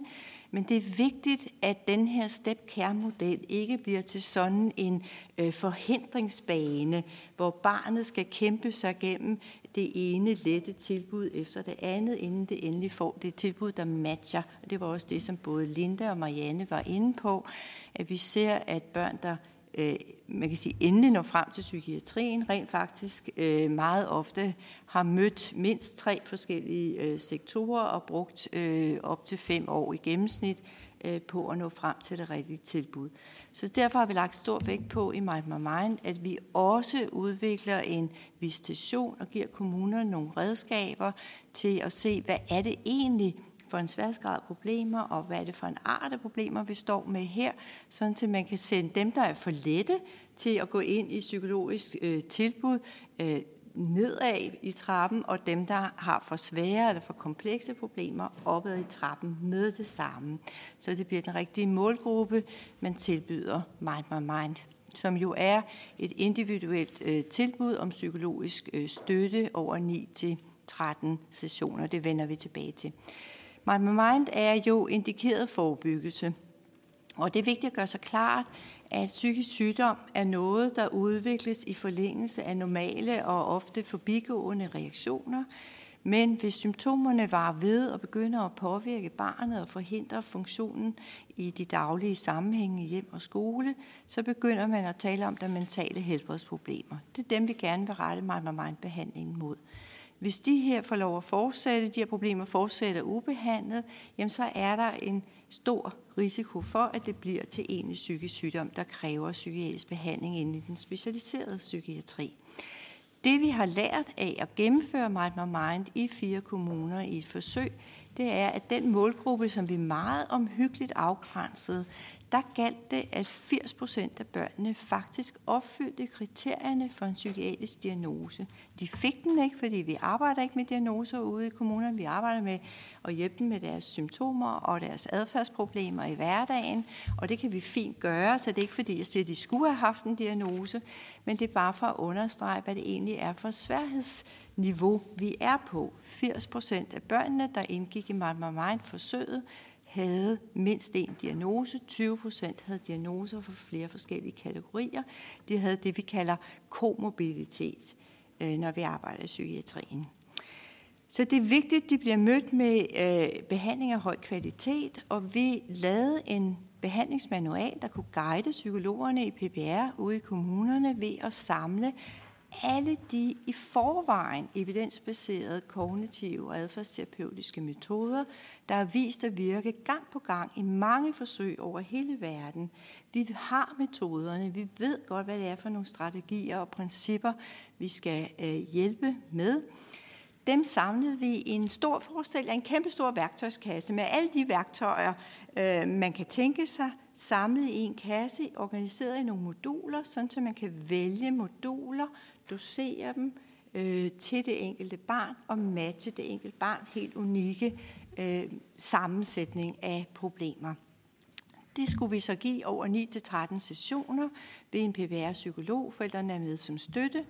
Øh, og der er videooptagelse af alle sessioner med mulighed for at kigge på dem i supervisionen, få feedback af sin supervisor i forhold til at blive dygtigere til at bruge de her metoder.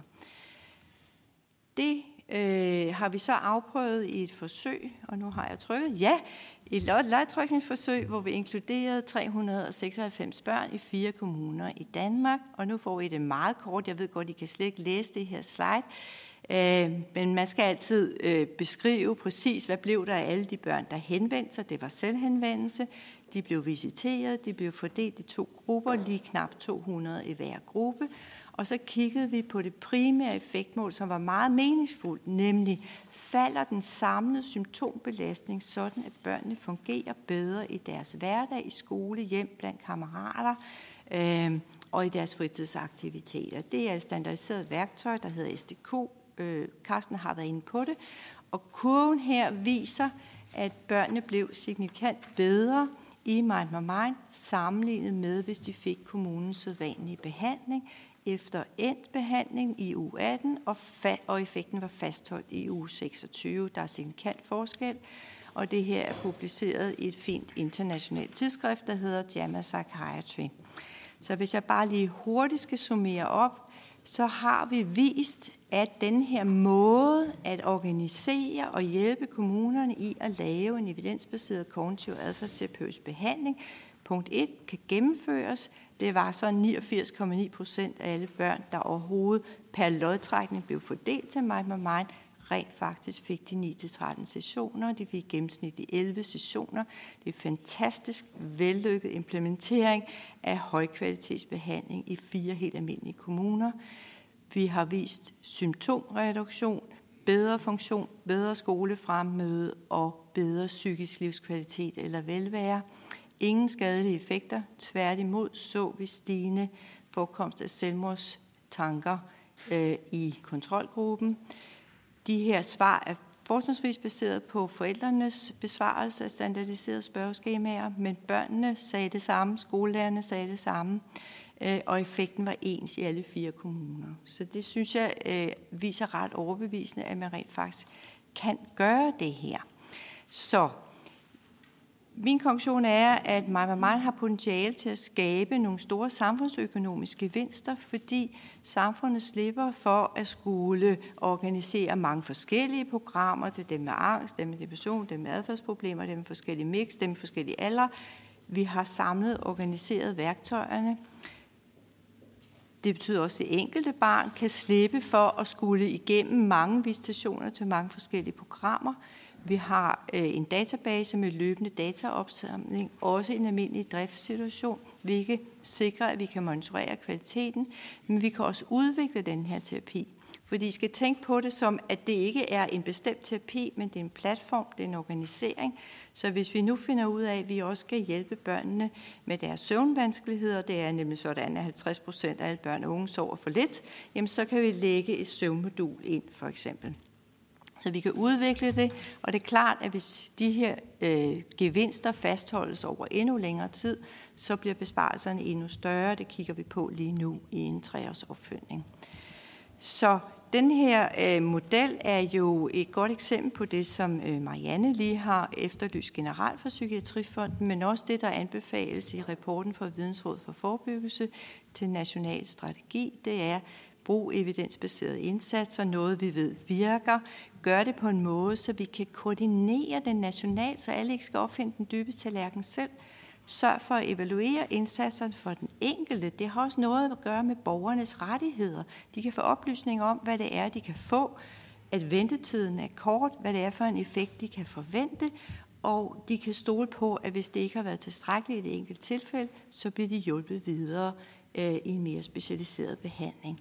Vi kan også, når vi har systematik, bedre opbygge kompetencerne til at gennemføre behandlingen lokalt, og vi har en platform, hvor vi kan fortsætte med kvalitetsudvikling og forskning. Så øh, alt i alt synes jeg, der er meget at vinde her. Og jeg vil gerne slutte af med det her slide helt kort, fordi det går tilbage til nogle af de første indlæg, der har handlet om, står vi foran en, øh, en tsunami eller en sort øh, sol af børn og unge, der har problemer, og hvad skyldes det i samfundet, og skal vi ikke hellere finde ud af, hvad det er i samfundet, der gør det. Øh, og der er det altså vigtigt øh, for mig at understrege, det er lidt det samme, Linda siger. Øh, psykiske sygdomme har altid været der, det er folkesygdomme, halvdelen starter i barne- og ungealderen. Så meget af den stigning, vi ser i Danmark, er ikke fordi vi er dårligere end de andre lande. Jeg vil faktisk påstå, at vi er bedre, vi er længere fremme med at have en dør, de kan gå ind af. Så det er en stærekasseeffekt. Vi ser flere, der søger hjælp, fordi det kan man. Så I skal tænke på det på den måde, at jo yngre fødselsårgangene er, jo tidligere kommer der det her peak af onset, fordi man har en dør at gå ind af. Det giver os et kæmpe forebyggelsespotentiale. Vi skal bare begynde at udnytte det øh, på alle niveauer af forebyggelse og lettere behandling. Tak for ordet. Tak for det. Det er jo altså i virkeligheden en gave, at talelysten er så stor. Øh, men tiden øh, iler, og øh, jeg vil lige, inden at jeg foreslår, at vi lige holder fem minutters øh, strække benpause, vil jeg give ordet til Trine Torp, Socialistisk Folkeparti, til et opfølgende spørgsmål. Værsgo.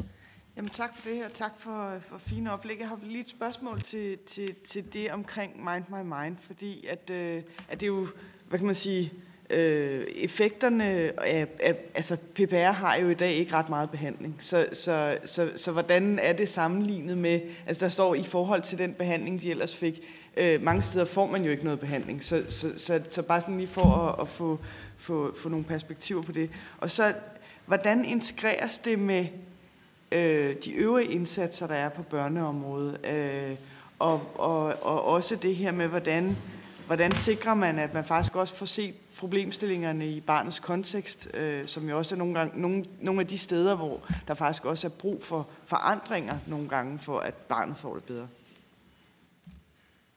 Rigtig gode spørgsmål.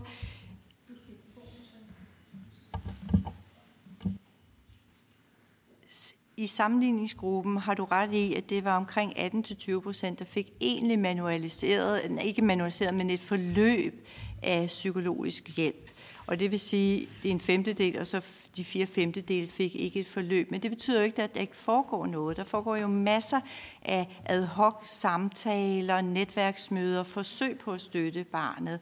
Så det er en aktiv kontrolgruppe, men det er klart, det er ikke en aktiv kontrolgruppe, der er balanceret i forhold til, hvor meget tid man har lagt ind i det. Og derfor har du også ret i, at konklusionen her er ikke, at det specifikt er lige præcis Mind My Mind-manualen, der virker, men det er det at gå ud og gøre noget på en systematiseret, sammenhængende måde, hvor man skaber en ramme, et håb, har en retning, etablerer nogle fælles mål øh, og arbejder sammen om at opnå en mestring. Det kunne sikkert også have været øh, Cool Kids for mange af de børn, der havde angst. Det kunne have været nogle andre programmer, der hed noget andet. Men det er det at skabe et forløb, der er sammenhængende og velkoordineret, og som netop også monitorerer effekten og på den måde spiller sammen med de efterfølgende indsatser.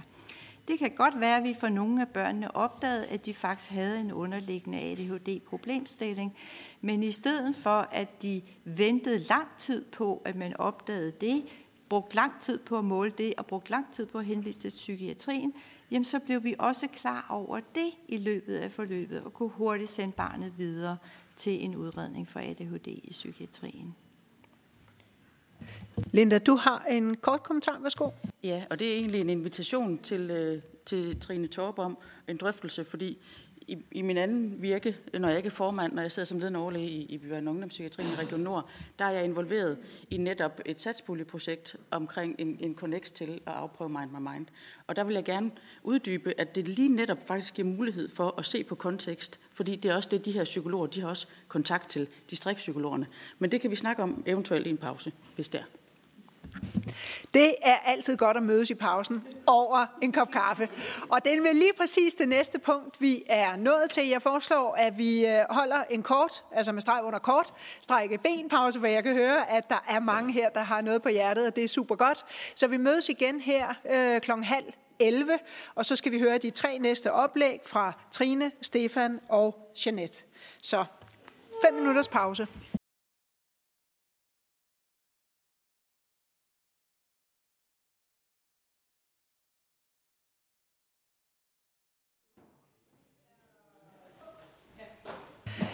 Velkommen tilbage efter vores korte pause her til høringen omkring øh, input til den kommende 10-årsplan for psykiatrien, for så vidt angår børn og unges trivsel. Jeg vil gerne starte med her, øh, inden jeg giver ordet til de næste oplægsholdere, lige at gøre opmærksom på, at sundhedsminister Magnus Heunicke har indkaldt sundhedsordførende til møde kl. 11, og det betyder, at der er en del af mine kollegaer, som desværre bliver nødt til at forlade øh, høringen, men jeg tror, at de fleste er opmærksom på, at der er møde i Folketingets epidemiudvalg senere i dag, og forud for det er der et møde hos øh, sundhedsministeren. Det er bare, at der ikke er nogen, der sidder og tænker. Det er da også mærkeligt, at halvdelen forlader det gode selskab her, men det er der en god grund til. Og med de ord, der vil jeg give ordet videre til de næste oplægsholdere. Det er Trine Rønne, og det er Stefan Marius. Trine, du kommer fra familienetværket og psykologgruppen, og Stefan Marius Stendal, du er psykolog i Næstved Kommune. Og øh, I vil sige lidt om øh, jeres erfaringer med børn og unges øh, trivsel og også mistrivsel, og også lidt om øh, Mind My Mind. I har til sammen 8 minutter til jeres rådighed. Ordet er jeres. Værsgo.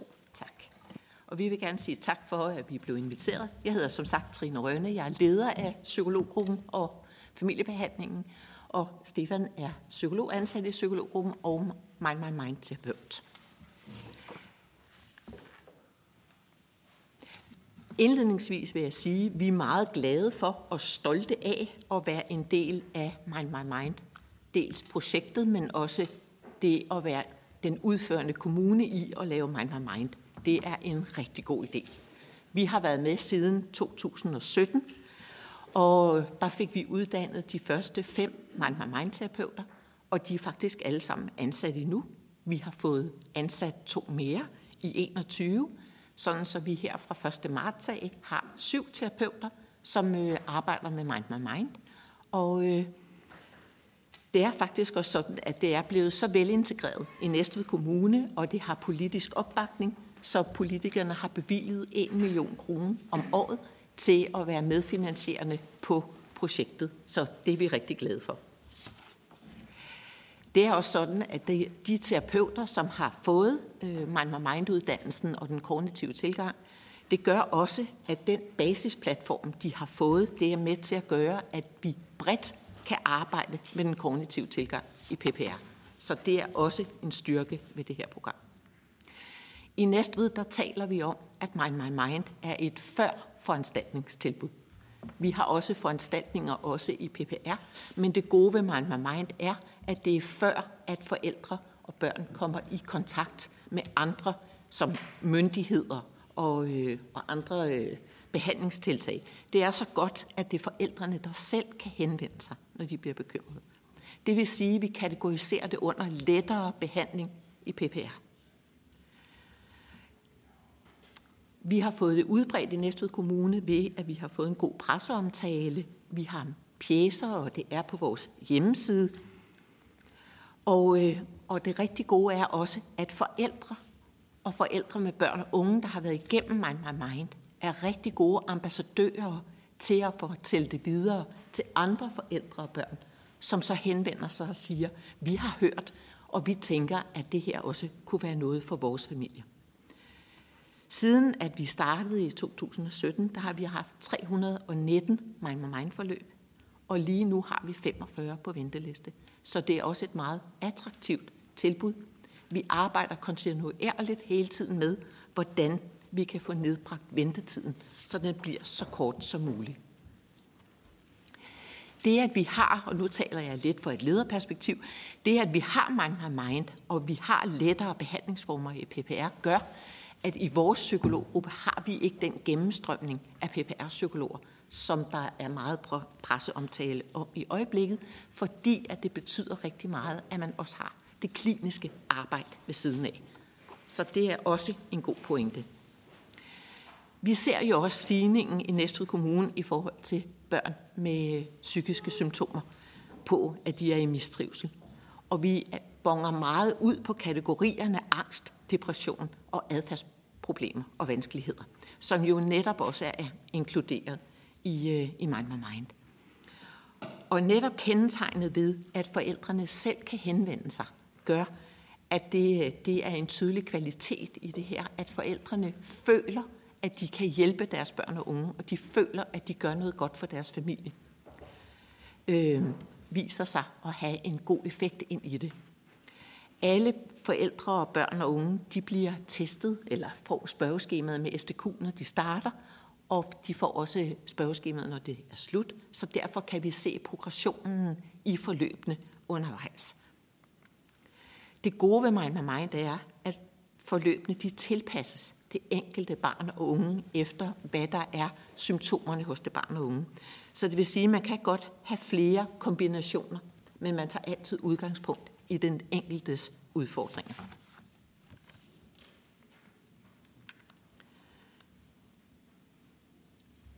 Effekten viser sig tydeligt, og vi ser den i vores SDQ'er. Vi kan se det på barnet og den unge. Vi kan se det på familierne, hvordan de er sammen og hvordan de har det. Vi kan se, hvordan den følelsesmæssige belastning hos barn, unge og familie er dalet, og vi kan tydeligt se, hvordan barnet trives bedre både hjemme, i skole og fritid og blandt kammerater. Og nu vil jeg give ordet videre til Stefan, som vil fortælle noget fra praksis.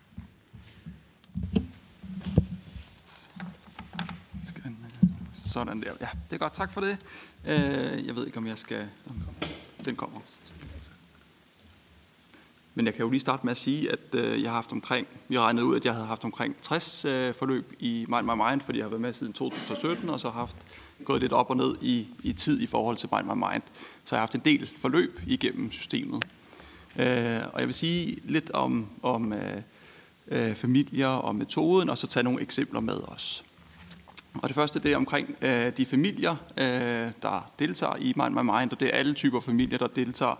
Det er både nogen, der er i arbejde og uden arbejde, og nogen som børn, der er i øh, folkeskole og børn på privatskoler, og nogen, hvor forældrene har psykisk sygdom, og hvor at de også har en almindelig sundhedstilstand. Øh, så det er alle typer familier, der ligesom deltager eller henvender sig i Mind My Mind. Og Forældrene de kommer ofte med sådan en, en, en oplevelse af magtesløshed.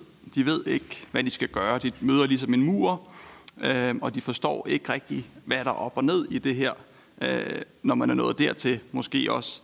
Øh, og de oplever også, at det har stået på et stykke tid.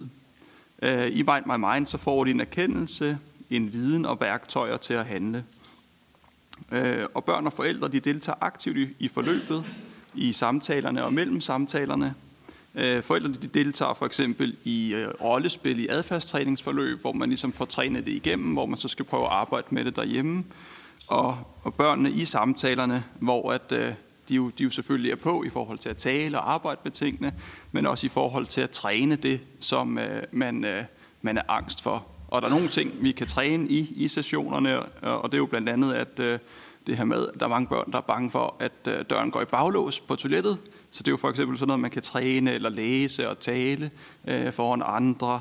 Øh, hvordan man rollespiller, at man skal købe noget i en butik for eksempel, eller udsætte øh, tvangshandlinger og alt, hvad man ellers kan finde på i, i samtalerne. Og det er også sådan, så man ligesom er klædt på til ligesom at prøve at træne det, når man kommer hjem. Øh, og i, ja, så skal jeg lige klikke videre. Klik. Øh, i behandlingen, øh, der opbygger vi en relation øh, til, til barn og forældre. Vi skaber et øh, trygt rum, og det er jo både mindre børn og store børn, der kommer, og de oplever tit sådan en usikkerhed omkring, ah, hvad er det lige, jeg har kastet mig ud i, og, og det er jo meget tit forældrene, der ser mest, at, at der er store udfordringer, men så når de kommer til samtalerne, så skal de jo lige Øh, Øh, sådan vende sig til, at, at de skal snakke med en fremmed person, øh, der, der bruger nogle bestemte begreber, Og det betyder, at vi har meget fokus på, at øh, øh, forskellige metoder, der passer til alderen, og hvis det er et barn, der er ordblind, så, så bruger man jo meget øh, det visuelle og snakker og tegner. Og, øh, så, vi, så, så vi er meget øh, optaget af, at, øh, at børnene er aktive, og det ikke bare er forældrene, der skal bære det hele videre. Øh, tak. De forpligter sig til at arbejde øh, med tingene, og de vil gerne vise, hvordan de har trænet og anvendt teknikkerne. Nu klikker jeg lige to gange, fordi jeg, skulle lige, jeg havde nogle eksempler, men jeg skulle lige have de, de sidste eksempler var de bedste. Og et eksempel, øh, en øh, depressiv dreng på 10 år, som reagerede med vrede og tristhed og træk sig socialt, og der har vi arbejdet med at få en viden omkring det her med, hvad depression indebærer, anvende tanketeknikker, Øh, øge aktiviteter, som giver glæde eller et godt humør, og så opbygge relationer øh, til andre i klassen, og så en forståelse fra lærerteamet. Og der betyder det jo rigtig meget det her med, at man opbygger nogle sociale relationer, man oplever, at, at de andre de vimmer, selvom jeg kan være trist eller vred. Og det andet eksempel er en dreng på 9 år med skoleværing, øh, som, øh, som trak sig mere og mere og havde flere dage, hvor han ikke kom i skole, og han reagerede med at have ondt i maven, og han havde svært ved ligesom at, at, øh, at sætte ord på, hvad er det egentlig, der gør, at du får ondt i maven. Og det er jo tit det der med, jamen det er jo bare min krop, der siger til mig, at jeg har ondt i maven, og så forbinder man det med skole, og så kommer man ikke i skole. Men så prøvede vi at arbejde med forståelsen af, øh, hvad er det der, hvad, hvad kan der ske, hvis du nu kommer afsted, selvom man har ondt i maven, og det er ikke farligt at have ondt i maven, og det her med at få afindlært det her med ondt i maven, forbundet med skole, det gjorde, at han fik mindre ondt i maven, fik opmærksomheden rettet mod andre ting, og at han oplevede, at øh, angsten den faldt, og bekymring for at få ondt i maven den faldt. Men det er mere det, er mere det her med, at man, man prøver at tage udgangspunkt i, hvad det er, børnene de oplever, øh, og, øh, og på den måde, og jeg oplever, det har jo rigtig stor betydning, det her med, at børnene selv oplever, at jeg kunne godt, og ej, nu kan jeg det, og det kunne jeg ikke før, og jeg troede ikke, at, øh, at det kunne lykkes. Så, så det er jo et meget givende arbejde på den måde at arbejde med børn og forældre. Ja, det var det. Yes. Tusind tak for et også meget relevant oplæg omkring, hvordan kan man øh, bruge Mind My Mind konstruktivt og på en seriøs og god måde ude i kommunerne. Og vi skal jo huske på, at I er jo dem, der er tættest øh, på borgerne, hvis vi sådan lige tænker på Bermuda-trikanten mellem kommuner og regioner og almen praksis.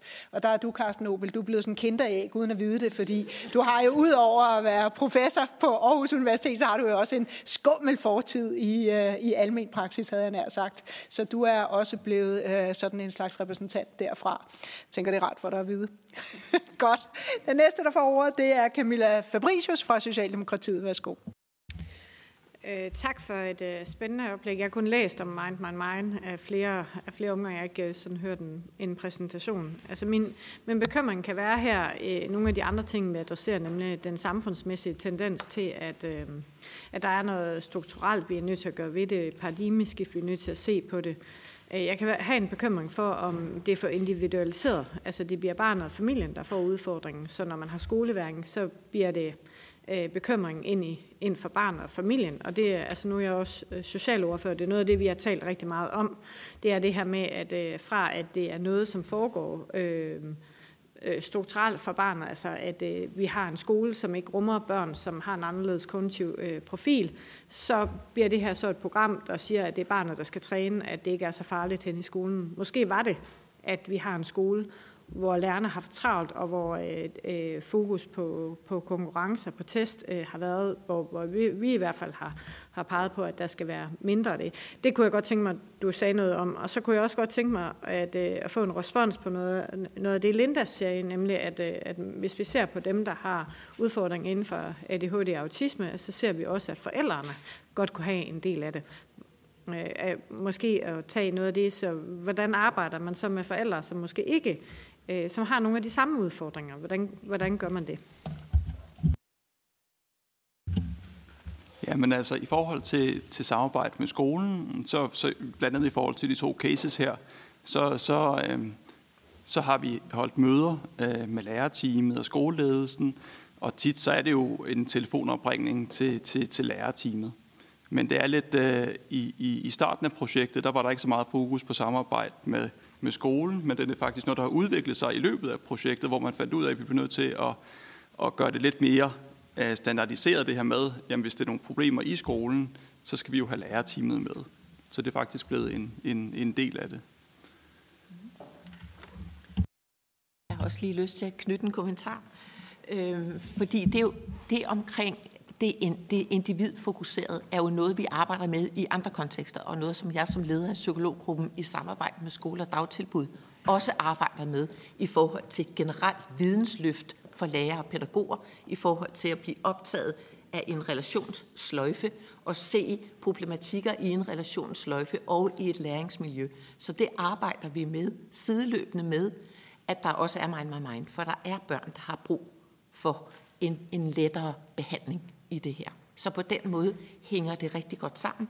Og samtidig så er det også med til at udvide kendskabet og mindske angsten hos øh, de fagprofessionelle i skolen i forhold til, at man kan have en udfordring i en periode, som man kan få hjælp til, som viser, at man kan nedbringe udfordringen og de vanskeligheder, der er forbundet med det.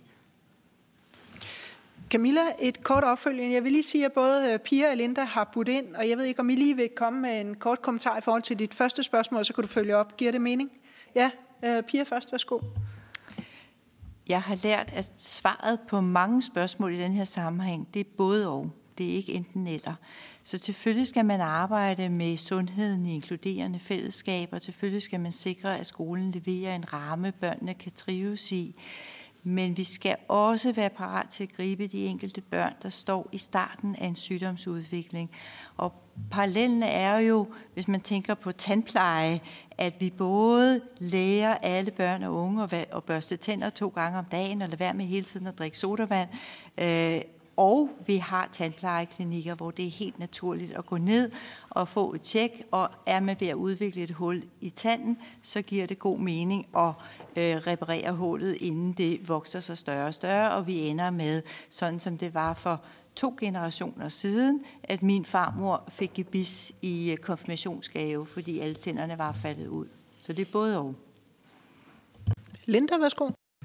Øhm, jeg vil øh, supplere med, at øh, op, oplægget fra BUP, eller fra børne- og ungdomspsykiatrien, er også, at der er nogle aktører, vi skal huske. Og jeg ved ikke, hvordan jeres øh, setup er i jeres kommune, men det, jeg har kendskab til i Aalborg, der, der er det jo noget med at adressere skoleværing og ondt i maven. Det kan faktisk godt være noget somatisk, så det skal man huske, at almen praksis skal ind der. Plus, at der kan være noget også i familien, så man skal også have koblet børnefamilieafdelingen på nogle gange. Så de her fire aktører, de er så utrolig essentielle uanset om så tilbuddet hedder Mind My Mind eller noget andet. Så det er den her connects, flerfaglighed og koordinering, som vi skal have ind over, uanset hvad vi kalder det. Det var bare lige en kommentar til det. Tak for det. Camilla Fabricius for et op. Ja, ja tak.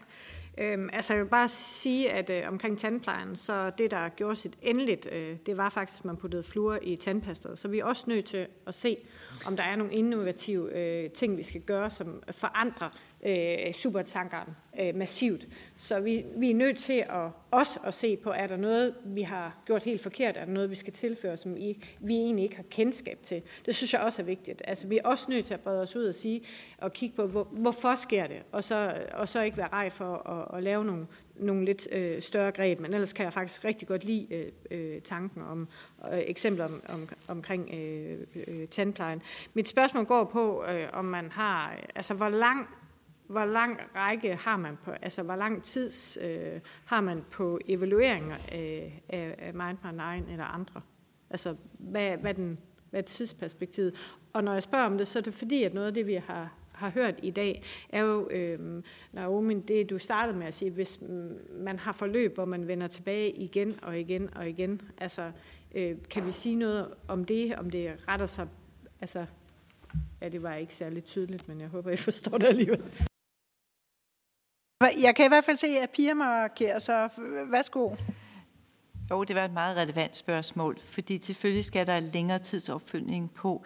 Vi er lige ved at opgøre resultaterne af treårsopfølgningen, så jeg har ikke resultatet endnu. Men der bruger vi både forældrenes besvarelser og så registerbaserede data, og det vil sige, at vi bliver ved med at kunne følge børnene i registerne og sammenligne med dem vi visiterede og sagde var for lette eller for svære, og sammenligne med baggrundspopulationen af familier i kommunerne, der havde mindst et skolebørn. Så vi kommer til at kunne sige noget om, hvordan ser mønstrene ud, i hvert fald i forhold til deres forbrug af sundhedsydelser. Det vi så også skal huske på, det er, at når man starter sådan et projekt, og går fra, at det ikke har været der til at have været der, så kommer man ind og starter med at opsuge alle de sværeste tilfælde, øh, der har gået og ventet i de her fem år. Og det kan godt være, at My Mind ikke har løst alle problemer for alle, men det har gjort, at børnene måske får en bedre udviklingsforløb i nogle vigtige dannende år i skolealderen. Men bare for at tage lidt forbehold for, jeg forventer ikke, at alle bliver raske og aldrig nogensinde får brug for et tilbud efterfølgende. Jeg, jeg, jeg forventer, at vi får nogle mere hensigtsmæssige forløb til dem, der har brug for det efterfølgende. Tak, Pia Sør Carsten Opel, bedt om ordet. Værsgo. Jamen det er jo meget interessant det der med at finde ud af, hvornår kan vi tilbyde, som vi er ret enige om, det er rettet på det rigtige sted. Og mig, mig, mig er jo et super godt eksempel på et godt tilbud, der rammer på det rigtige sted. Men jeg synes, det er vigtigt at, at tænke som en helhed, sådan en værktøjskasse, som skal stilles til, til rådighed for alle kommuner. Og det, jeg synes, der er fascinerende ved at have arbejdet med kommunerne, det er, at øh, der er rigtig mange læringer ved at bruge forskellige øh, ting derude, som øh, jeg synes, vi overser nogle gange. Så jeg synes nu, det testet i otte kommuner, og det kunne være fantastisk, hvis det bliver stillet til rådighed for alle kommuner. Men det her, vi har muligheden for også at teste mindfulness-indsatser, mentaliseringsindsatser og andre lidt sådan afhængig af, hvad der fungerer bedst hvor. Det tror jeg også er vigtigt, at man sådan har nærmest en værktøjskasse, som, som løbende kan tilpasses individuelle behov. Øh, så det afhænger jo lidt af, hvor, hvornår virker mere, altså om det primært sekundære alternativ forebyggelse, men vi vil gerne have rykket forebyggelsesværdikæden lidt fremad. Og det gav anledning til en kort kommentar fra Linda, og herefter er det Marianne Hjelved fra de radikale venstre, så lukker talerlisten, og så skal vi høre det sidste oplæg. oplæg. Værsgo, Linda. Der vil vi gerne anmode om, at, der, at de indsatser, der bliver sat i værk, generelt set, de er evidensbaserede, og at der evalueres systematisk. Det var bare lige det, også i forhold til Mind My Mind. Der, men ellers skal, der er rigtig mange tilbud i gang, og vi har brug for at sikre evidensen for det, vi sætter i gang. Fordi det er ikke gratis at, at få samtaleforløb, hvis man ikke får det bedre. Marianne Hjelved, der radikale venstre. Værsgo. Ja, tak. Jeg synes, det har været en fantastisk dag i dag. Altså, jeg stod lige, vi snakkede lidt sammen i pausen her, hvor jeg sagde, at øh, i virkeligheden så burde man jo have give et ekstra undervisning til lærer og pædagoger om, hvad det egentlig er for en myrade af muligheder, man har, så når de bliver nøglefigurer, og dermed kan give en hånd og vide, hvor man skal gå hen, og give et godt råd til forældrene. Så jeg vil faktisk arbejde på, at det bliver en del af læreruddannelsen og pædagoguddannelsen. Og så kan jeg forstå, at øh, Pia Jeppesen har, er ved at skrive en lærebog om det her. Og det vil jo være oplagt. Ikke alene. At man bidrager på den måde. det er en forhåndssat reklame, ikke? men det er, der, det er jo vigtigt, at der er nogle mennesker på sko- skolerne og børneinstitutionerne, som er i stand til at give forældrene en hjælpende hånd for at komme videre på en eller anden måde. Og det skal de altså have noget mere uddannelse til, end de får det efter min opfattelse. Tak for det, Marianne. Jeg kan i hvert fald øh, godt se på min kollega, at nogen sidder og hopper i stolene. Jeg ved ikke, om man kan se det på kameraet. Men vi skal lige have øh, det sidste øh, oplæg, skal vi høre fra Jeanette Samuel. Uh, og så er der jo mulighed for her, inden vi runder høringen af, at man kan stille opfølgende spørgsmål til hele panelet. Og jeg ved ikke, Pia, vil du lige kort kommentere på det omkring den bog, vi kan forstå, du er ved at skrive, uh, med streg under kort. Tak. Jeg retter lige. Øh, Anne Mette Skovgaard er øh, ledende redaktør sammen med en fra øh, en professionshøjskole, jeg desværre ikke kan huske navnet på, og vi er mange, der byder ind, og vi regner med, at den udkommer i slutningen af året, og det er et nyt initiativ for at sikre bedre uddannelse til de mellemlange, dem på mellemlange uddannelse. Det var kort og præcist. Og nu skal vi høre et oplæg fra Jeanette Samuel, som er kontorchef i Kommunernes Landsforening. Og inden jeg giver ordet til dig, Jeanette, så vil jeg lige nævne, at Kommunernes Landsforening, altså KL, jo endnu ikke har konstitueret sig med udvalg. Men jeg forventer, at vi fra Folketingets udvalg senere vil have lejlighed til at drøfte høringens temaer og problemstillinger, blandt andet med KL's social- og børneudvalg, når jeres konstituering er på plads. Og det vil vi glæde os til. Ordet er dit, Jeanette, de næste 8 minutter. Værsgo.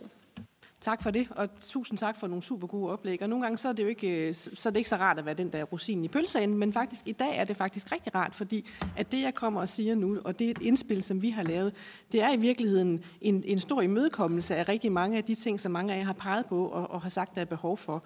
Altså kommunerne vil rigtig gerne have den her opgave, de vil rigtig gerne løse den her opgave. De vil også rigtig gerne have de rigtige rammer til at løse opgaven, og nogle rammer, som vi skal diskutere, hvordan skal være. Det kan fx være det der med evidensbaserede indsatser, en indgang, nogle af de ting, som mange af jer har peget på. Og så er det det sidste, og det er jo sådan et typisk KL-synspunkt. Vi skal selvfølgelig også have de nødvendige ressourcer til at løse opgaven, fordi det her det, det er noget, som kommer til at kræve nogle ressourcer formentlig opbygget over en årrække. Så kommunerne vil rigtig gerne løse den her opgave, og vi var også ude i december øh, med et indspil, som vi også har sendt til rigtig mange af jer, på hvordan vi egentlig gerne vil gøre. Vi har også været i dialog med børn- og psykiateren, med psykologforeningen, med videre omkring det indspil, vi er kommet med. Det vi har fokus på, det er øh, børn og unge øh, med, med tegn på mild til moderat angst og depression i alderen 6-17 år deromkring. Øh, vi har haft en, øh, en baggrundsgruppe med nogle kommuner, som har, som har bistået os i at lave oplægget. Vi har også en politisk behandling, så jeg har faktisk vi har sådan et politisk mandat til at sige det, vi siger nu. Vi har også spillet det ind i 10-årsplanen, for, øh, eller i det faglige oplæg til 10 at kommunerne gerne vil løse den her opgave. Øh, hvis jeg sådan skulle ile videre, skal lige, den, den er... Tre sekunder. Der var den. Ja, der, der er nogle forudsætninger øh, for at kunne løse opgaven på den rigtige måde. Og den, den ene er selvfølgelig, at der skal, der skal tilvejebringes en fornødende økonomi. Og den økonomi, det, det er jo ikke nødvendigvis, at alle pengene skal falde øh, dag et, men at vi i virkeligheden også tænker, at, at den her indsats skal indfases over en årrække, fordi at det kommer til at kræve en relativt stor økonomi, men også fordi, at de, øh, de psykologer, som vi har behov for, de familiebehandlere, vi har behov for, er der ikke nødvendigvis. Vi skal have rekrutteret nogen, vi skal have kompetenceudviklet nogen, vi skal have efteruddannet nogen. Vi, du, du nævnte også, øh, Stefan, at problemerne med at, at holde, øh, eller var det dig, Trine, holde psykologerne inde i PPR, der er rigtig mange, som, som, som går ud af det arbejde igen, fordi de egentlig gerne vil lave noget mere klinisk arbejde. Vi tænker sådan set, her kan der være en mulighed for, at nogen får lov til at lave noget mere klinisk arbejde, men nogen, der vil også være nogen, som har, har behov for at få bygget noget kompetence op i den sammenhæng. Så det vil være en gradvis indfasning af, af, af, vores, øh, af vores udgangspunkt. Og vi skal også have bygget nogle samarbejdsstrukturer op, som du blandt andet var inde på, Linda, det vi gerne vil, det er at lave en indgang for børn, unge og familier. Og det skal være en indgang, som er tydelig for borgerne. Det skal også være en indgang, som er tydelig for den praktiserende læge, for øh, børn- og ungepsykiatrien. Altså så man ved, hvad det er. Det kan godt være, at det ikke hedder nødvendigvis fuldstændig det samme i alle kommuner. Kommunerne er meget forskellige. Der er nogen, der er meget små, der er nogen, der er meget store, der er nogen, der dækker en stor geografi, nogen, der dækker en mindre geografi. Men det skal være tydeligt i den enkelte kommune, hvad det er for et tilbud, man har, og hvordan man kommer i kontakt med det. Dernæst, så skal der være den screening, når man kommer ind i systemet. Der skal være en kompetent visitation, som har den faglighed, der skal til for at finde ud af, de her børn, hvad er det egentlig, de har behov for? Har de behov for noget psykologbehandling? Har de behov for noget, er det virkelig familien, der har behov for noget familiebehandling? Er det i virkeligheden noget, som er i, i, i en mere alvorlig grad, så vi faktisk har behov for at kontakte Linda og hendes kolleger? Men, og, og den visitation er rigtig, rigtig vigtig, og der skal man have de rigtige værktøjer også, man kan bruge ind i den visitation. Og det er også derfor, at det her det er ikke bare lige noget, vi kan knipse frem, det er noget, vi skal arbejde med for at få til at fungere ude i den enkelte kommune. Og så skal jeg lige sige, at alle kommuner, altså vores udgangspunkt er, at det her det skal være i alle kommuner. Det her det er ikke, at, at, at kommunerne vælger, om de vil gøre det, men at alle 98 kommuner har sådan et tilbud. Det kan godt være, at for nogle af de mindre kommuner, at der vil være et behov for, at man samarbejder på tværs af kommunerne, fordi at det, det kræver relativt mange ressourcer at skulle, skulle løfte det her. Så det kunne vi godt forestille os også, at nogle af de mindre kommuner faktisk samarbejdede og hjalp hinanden med at løse den her opgave. Og nu er jeg lidt tålmodig. Der var den, ja. Som sagt, familien skal kun henvende sig et sted for at få hjælp. Et tydeligt sted. Der skal være den der indledende samtale mellem familien og nogle fagpersoner. Nogle gange måske mere end en samtale, fordi der kan være noget mere, man skal have udredt. Der skal være der en mulighed for faktisk at, at henvise videre. Øh, det kan være til, til nogle andre tilbud i kommunen. Det kan være til nogle tilbud privat. Det kan være til nogle tilbud, øh, som, som ligger i børne- og ungepsykiatrien. psykiatrien. Så skal der være en beslutning omkring indsatsen. Hvem er det, der, der, hvad, er det, der egentlig er behov for? Og så er det rigtig vigtigt, at vi dokumenterer, følger op og evaluerer. Og det er også der, jeg, jeg, jeg tænker det der, jamen, at på en eller anden måde, hvis vi får sat det her rigtigt op, så kan det jo godt blive sådan et levende laboratorie, hvor vi faktisk også i virkeligheden kan, kan teste de evidensbaserede metoder endnu mere ud i den praktiske virkelighed, men måske også i virkeligheden tage nogle, tage nogle metoder i brug, som vi så ser, om vi kan bygge noget evidens op omkring. Fordi jeg synes jo også, at, at, at, at, at der skal være en udvikling også. Øh, så, så det er sådan en, en komponent i det også. Og så ser vi lige, hvad der sker.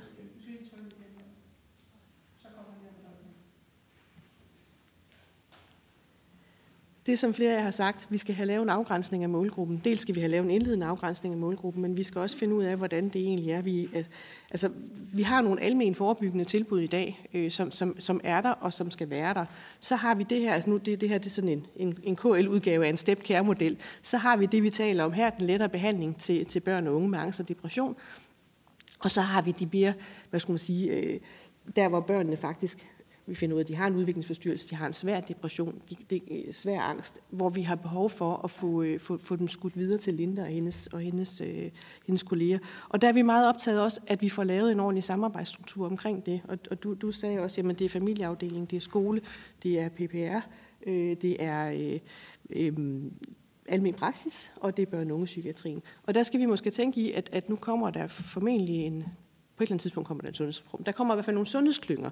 Det kunne godt være, at sundhedsklyngerne kunne være, kunne være en god geografi at lave de her øh, koordinerende forer i, altså nogle forer, hvor man mødes jævnligt, og hvor man har sådan en systematisk udveksling af, af viden og information øh, med hinanden, og hvor man kan tage sådan mere generiske problematikker op og tale om, hvordan vi, har, vi oplever det her, hvad gør vi egentlig med det øh, i samarbejdet øh, for eksempel.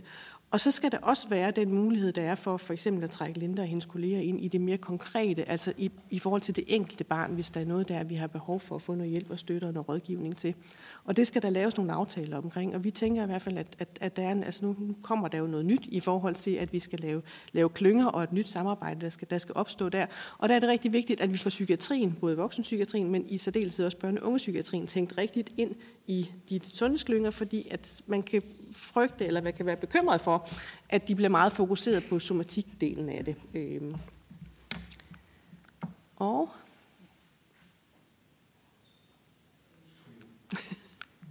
man skal trykke hårdt.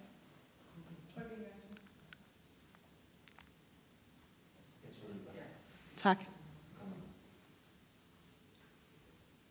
Ja, som vi sagde, en indfasning over, over nogle år. Nu har vi bare skrevet tre år, og, det, og vi tænker i at bygge det op, både organisatorisk, men også at bygge de forskellige, hvad skal man sige, så kan det være, at man starter med back to school i en, en kommune, og så året efter, så tager man mind my mind, eller lærer at takle med, men sådan, så man får bygget det op over en årrække, i forhold til de tilbud, man, man skal have ned i værktøjskassen, som flere af jer også har talt om, så man har det der facetterede tilbud øh, til, til, til, til børnene og familierne, og det er også her, det igen bliver, altså hvor, afhængig af, hvor mange værktøjskasser man skal, eller hvor mange værktøjer man skal tage i brug, kan der godt være behov for, at kommunerne hjælper hinanden med at løse den opgave, fordi det kan, det kan være for en lille kommune, kan det være en meget, meget stor mundfuld at skulle have det hele.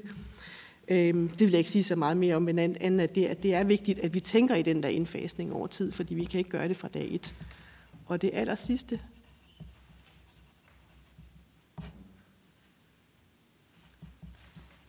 det er egentlig bare der, hvor jeg startede.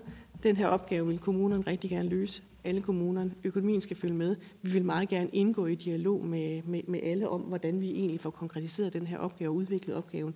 Og i virkeligheden måske også få koblet forskning og udvikling sammen rundt om det. Som I, som, altså, I, I startede med jeres første oplæg, som jo var det der med, hvad er det for en viden, vi har, hvad er det for en viden, vi skal bygge op. Det synes jeg var ret interessant. Og jeg tror, vi skal tænke det sammen også, så vi, så vi et eller andet sted, hvis vi laver den her indsats, får koblet noget, noget følgeforskning på det også, sådan, så, vi, øh, så vi i virkeligheden får udviklet noget, som er rigtig, rigtig godt. Tak for ordet. Det siger vi også, Jeanette. Tak for et øh, rigtig godt og inspirerende oplæg. Jeg skal lige bede dig om at slukke mikrofonen, for ellers er der sådan en dobbelt lyd på derude. Og det har i hvert fald givet anledning til øh, en kommentar eller en bemærkning eller spørgsmål fra Trine Torps øh, side, Socialistisk Folkeparti, og herefter har jeg selv øh, et opfølgende spørgsmål. Men Trine først, værsgo. Tak for det, og det er jo, sådan, det er jo herligt at, at høre, at der er rigtig mange, der taler om det her med en indgang og en tydelig indgang. Øh, det er blevet sagt flere gange i dag, og, og, og nu også øh, fra dig. Og, øh, og det jeg, mit spørgsmål går på, hvordan, altså, har I også drøftet, hvilke nogle krav det stiller til organiseringen at få bundet det her noget mere sammen, altså sundhedspleje, øh, familieafdelingen, PPR og jo også skoler og daginstitutioner, som, som jo er der, hvor børnene lever det meste af deres liv, når de ikke er hjemme med deres familie. Øh, øh, altså, har I, har I talt om, hvad, hvad det vil kræve af organiseringen at lave det som ikke bare en indgang, men også en mere sammenhængende øh, indsats? Det er, det er det ene spørgsmål. Det andet øh, spørgsmål er, at, at på den her slide, der står der, at det ligesom er lettere behandling af, af angst og depressive symptomer. Øh, men, men er det fordi, I har låst jer fast på, det kun er der? Jeg kunne også forestille mig sorg og krise for eksempel, altså øh, belastningsreaktioner fra, fra, fra børn, øh, som, som, øh, hvor man kan sige, den, de gruppeforløb, man kunne etablere i, i, øh, i en kommunal øh, sammenhæng, vil jo være også gode forebyggende øh, foranstaltninger. Tak for det, Trine. Nu tog du næsten ordene ud af munden på mig. Der findes en engelsk ordsprog, noget i retning af uh, great brains think alike. Jeg ved ikke, om det er tilfældet her, men jeg vil i hvert fald tillade mig at stille mit uh, spørgsmål så uh, ganske ydmygt. Ja, fuldstændig. Uh, jeg vil i hvert fald her tillade mig at, at måske vinkle det lidt anderledes, fordi det er jo helt almindeligt kendt af, hvad skal man sige, at der er meget uensartede tilbud ude i kommunerne. Og en indgang, altså det lyder jo uh, næsten som om øh, mælk og honning så kommer til at flyde, hvis vi bare får en indgang.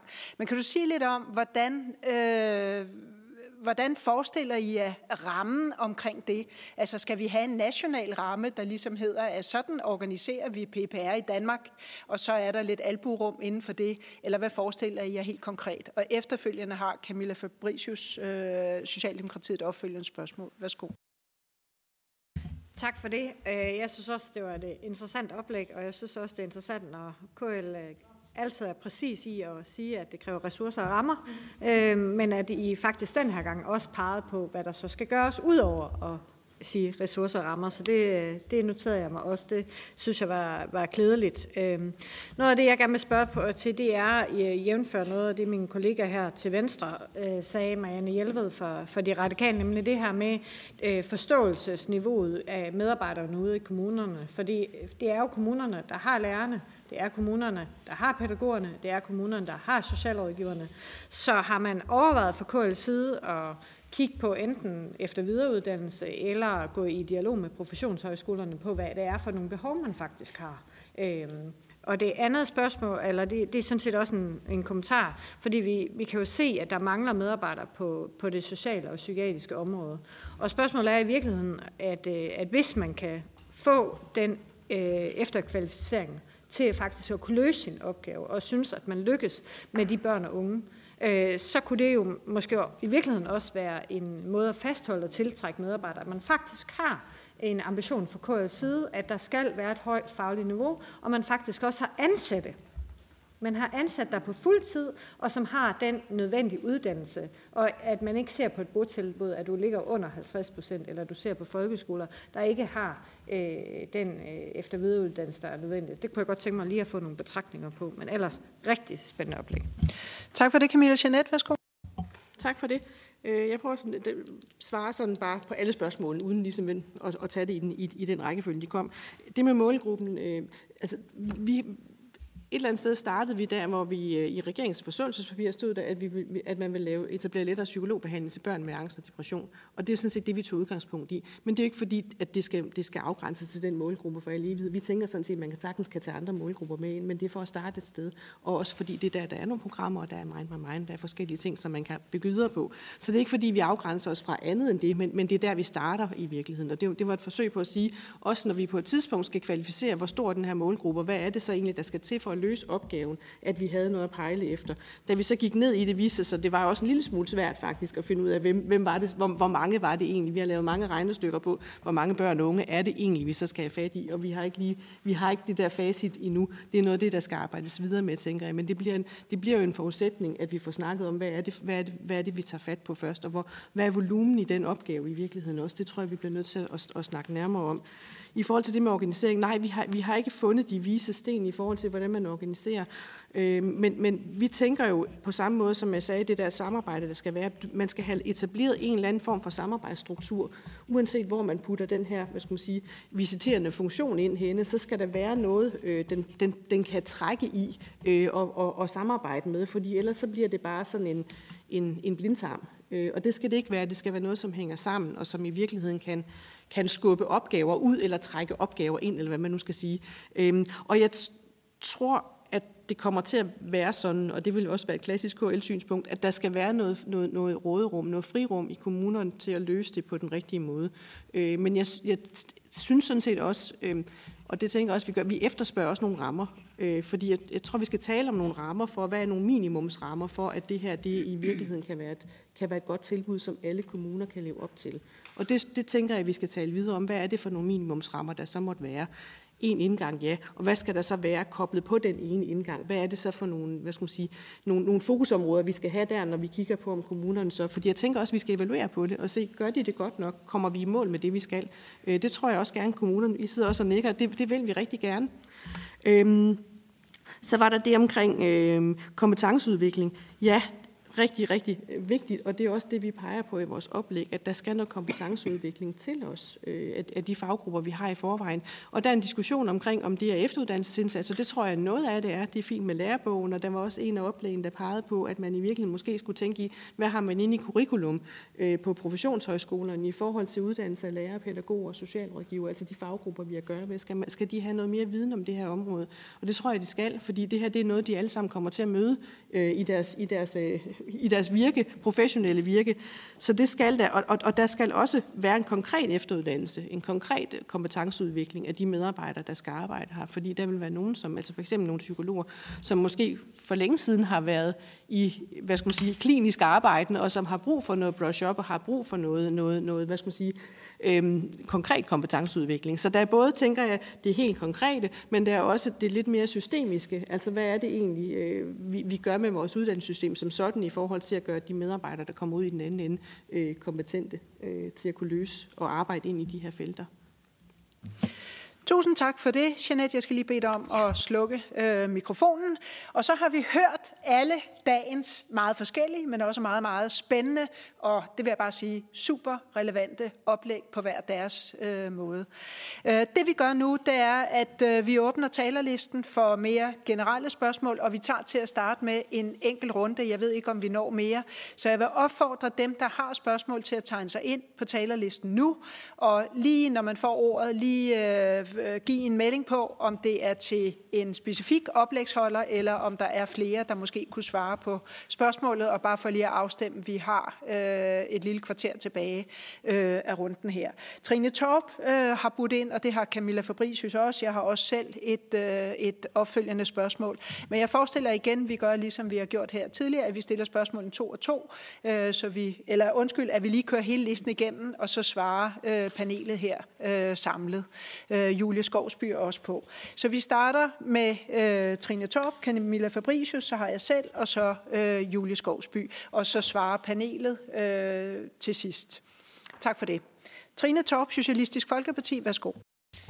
Jamen tak. Øh, nu har vi jo ja, altså vi har brugt rigtig meget af, af, af formiddagens tid på at tale om undersøgelse, behandling og andre indsatser, øh, der hvor, hvad kan man sige, mistrivsel har, i hvert fald har et omfang, hvor at, øh, at nogen synes, det er bekymrende. Altså enten forældrene eller børnene selv, eller, eller sådan. Men jeg kunne egentlig godt tænke mig at prøve at vende lidt tilbage til der, hvor vi startede.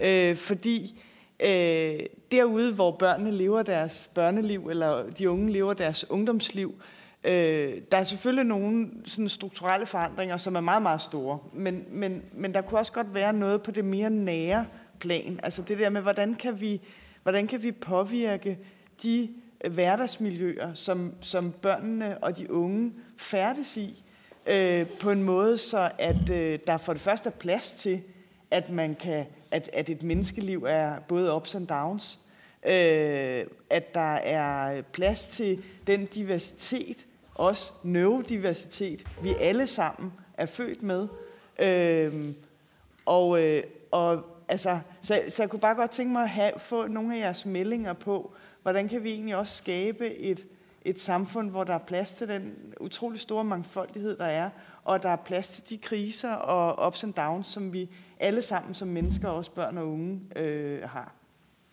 Trine, kunne jeg bede dig om lige at målrette dit spørgsmål, for jeg tror simpelthen ikke, at vi når hele panelet rundt. Øh... Nomi og Karsten. Det er det. Fint, tak. Jamen, altså, jeg er ligesom formand utrolig høj af den her høring. Altså, når man som mig har været ude i praksis utrolig mange år, været en af speciallærerne ude øh, hos børn med autisme og ADHD, så, så det her, det er, jo, det er jo drømmen for en folkevalgt at komme i nærheden af det her. Altså det er jo det, er jo det vi står på. Øh, min kollega Trine her er psykolog og har også praksiserfaring, og det er jo simpelthen nerven i, at vi gør en forskel, det er jo, at vi har ambitioner sammen. Og det synes jeg, det her, den her høring har vist. Jeg synes, vi har fået nogle virkelig gode input. Og, og, og min appel går egentlig bare også øh, tilbage til oplægsholderen, og egentlig til de utrolig mange, som formanden også har sagt, der lytter med derude, det er, at lige nu, der er der altså tiltrådt øh, helt nye kommunalbestyrelser, helt nye regionsråd, og de har altså brug for at blive klædt på til den her dagsorden og forstå, hvor kompleks den er. Så det der med at invitere ud, uanset hvem man er, hvad det er for en lille eller stor organisation, vise dem, hvad, hvad er det for en praksis, vi har brug for, sådan så vi får en fælles forståelse af, hvad det er, der skal løftes. For som politiker, så skal man faktisk ofte synes jeg, række utrolig meget ud til jer som fagpersoner og organisationer.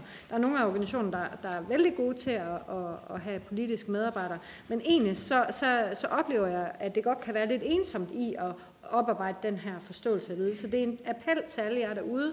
Det er, hiv nu fat i jeres kommunalbestyrelsesmedlemmer, og hiv fat i regionsrådsmedlemmer, og så sig, hvad det er, der er på sinde, fordi vi er nødt til at få lavet det her øh, sindssyge skift. Det er ikke rettet mod nogen, men, men det er også en konklusion på, og en tak til, til det miniudvalg, der har været for at planlægge den her høring. Jeg, jeg synes, det har været kanon. Jeg hørte det mere som en kommentar fra næstformanden i Sundhedsudvalget. Øh, I forhold til høringen her er jo en kæmpe ros øh, til alle jer i virkeligheden. Så tak for det, øh, Camilla. Øh, og så har jeg øh, sat mig selv til at mig sat mig selv øh, på talelisten også til et spørgsmål. Jeg har faktisk et spørgsmål til dig, Stefan, som jo øh, arbejder i Næstved Kommune som psykolog i PPR. Øh, og det vi jo ofte bliver mødt med, som du jo også i talsat, Trine, det er, at der nærmest er personalflugt øh, fra PPR som jeg forstod det, så er noget af det, der gør det attraktivt, at der også er, hvad skal man sige, øh, noget klinisk i hverdagen. Kunne du ikke prøve at sætte to ord øh, på den hverdag, du har? For jeg synes jo, det er enormt interessant, hvordan kan vi fastholde øh, kapaciteter som dig og de kollegaer, vi forstår her, der er øh, i Næstved øh, Kommune. Og så har jeg faktisk også et spørgsmål til dig, Carsten Nobel, omkring igen det her med data. Altså vi ved det jo fra sundhedsområdet, at det, der holder os raske, og det, der forebygger, det er data, og det er adgangen til data. Så måske både til dig og Jeanette, hvordan får vi de her data i spil i kommunerne? Jeg kan simpelthen med min bedste vilje ikke forstå, at vi har et guldæg liggende, men ingen bruger det. Når vi ved, at det er data, der holder os raske. Godt, det var bare sådan, jeg er bare helt øh, forarvet nu her over, at vi ikke bruger det. Øh, Julie Skovsby, Socialdemokratiet, ordet er dit. Værsgo. Tak for det. Jeg vil også gerne sige tak for jeres, øh, jeres oplæg, og det har været virkelig interessant at lytte til. Og, øh, og jeg tænker også, at vi kan også dykke ned i mange af de ting, der er blevet sagt efterfølgende. Øh, det vil jeg se frem til. Øh, det, som jeg vil spørge... Jeg har lyst til at stille mange spørgsmål, men jeg retter det til øh, Karsten, og, jeg vil spørge til det her med... I forhold til drenge og piger. Og, øh, og det, som der indledningsvis blev sagt, at der er et behov for en generel nedsættelse af fokus på præstation og tempo. Ser man noget i, i forskningen, som, øh, som giver et fingerpræg af, af, af om, om, der er, altså, om der er forskelle? Tusind tak. Så øh, tænker jeg, at vi starter der, hvor spørgsmålet bliver adresseret. Det gjorde de nemlig i første omgang til Nomi og til Karsten øh, og til Stefan. Så jeg tænker, at vi lige starter med at høre øh, jeres svar. Så jeg ved ikke, jeg tænker, altså her der er det bare fuldstændig ublu damerne først. Ikke? Så Nomi, værsgo, ordet er dit. Jamen altså. Ja. der var også til Jeanette, undskyld. Nå, der er der, der er virkelig meget at gribe i, men, men øh, nu vil jeg svare på, øh, på det, du spurgte ind til. Øhm, når jeg kigger på og, og følger børn eller unge øh, i deres hverdag, så ser jeg, og det har vi forskningsmæssigt ikke været særlig opmærksom på, men det har vi blevet opmærksom på undervejs igennem den undersøgelse, vi er i gang med, det er, at vi har fået skabt et system, både i familierne, men også i vores skoleuddannelsessystem, hvor der er stort set konstant skift hele tiden i børnenes hverdag. Altså de små hverdagsskift, kalder det i øjeblikket. Om det så er, det kan både være, at forældrene er skilt, man skifter bolig, det kan være, at man øh, øh, er mere og mere i faglokaler, så det er i virkeligheden læreren, der har faste klasseværelser, øh, og børnene, der flytter med rundt. Øh, det kan være, at der er skiftende lærere, skiftende personale, øh, vikar. Øh, der er vi har en, en, et, en børne- øh, øh, og ungdomsliv i dag, som er fuldstændig ekstremt øh, øh, skiftende hele tiden. Øh, så jeg tror, vi har brug for at arbejde på at skabe et rum i skolen, hvor der faktisk også er noget, noget ro på. Altså noget, noget, øh, altså noget der, der på en eller anden måde er mere stabilt og kontinuerligt øh, og stabiliserende. Så tænker jeg, at det vi, vi øh, har brug for, er noget af det, øh, som Lotte var inde på tidligere omkring fællesskaber. Vi har haft, sådan som jeg ser dansk uddannelsespolitik og skolepolitik igennem, hvis man nu skulle være med de meget brede penselstrøg, så har der i en lang årrække været øh, et fokus på faglighed og fagligt løft.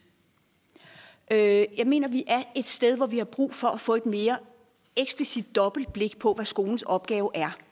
For skolens opgave er, og det står jo også i alle formålsparagrafer, men, men, men ikke desto mindre, når det i det levede liv, det som vi hører børn og unge fortælle, så er det, der er konstant fokus på deres faglige performances. Øhm, og der har vi simpelthen brug for et bredere blik. Fordi ellers så får vi ikke den plads. Øh, og det gælder i høj grad også, nu snakker vi meget børn her, øh, og familier og henvendelser øh, via familier. Øh, jeg møder jo flest unge. Der er rigtig mange af dem, der har brug for at kunne komme et sted, hvor de ikke er alene med familierne eller hvor det kun er skolen, der opdager, at der er noget galt. Øh, eller, altså, der er simpelthen også et eller andet med, hvem er det, der skal have den her ene indgang? hvem er det, den skal være for? Og hvem henvender sig? Fordi der er masser af unge, som øh, selv oplever, de her problemer. Der er også nogle af dem, der slet ikke selv mener, de har problemer. Og som har øh, øh enormt, altså sådan undvigende, hvad man skal sige. Og så har en sidste ting, jeg lige brænder inde på. Når, når det sidste, jeg vil sige med det med, med lærerne i og, og klasseværelser, jeg skal nok gøre det hurtigt, det er, at øh, læreren er jo velfærdsstatens øjne her. Altså det er dem, der først møder vores børn og unge øh, og skal opdage det. Og på den måde er der jo noget, som du er inde på, Marianne, i forhold til, hvad er det for nogle kompetencer, de er klædt på med. Min frygt kan være der, og vi skal tænke os om, når vi klæder dem på, fordi de skal have en relativt bred forståelse.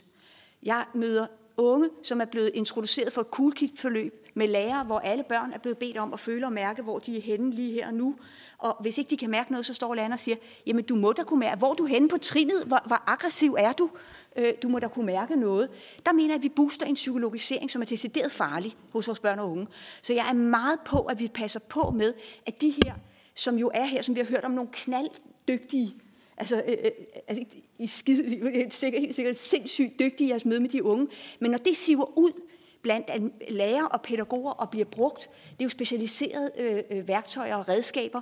Vi skal passe enormt meget på, hvem der bruger dem, og med hvilken faglighed man øh, er klædt på til at kunne, for at kunne bruge dem. Øhm, ja. Tak. Ja, jeg, jeg, jeg, jeg havde en ting mere, men nu har jeg glemt, hvad det var, så det må være et tegn på, at det ikke er vigtigt nok. Så vil jeg sige, så giver vi lige ordet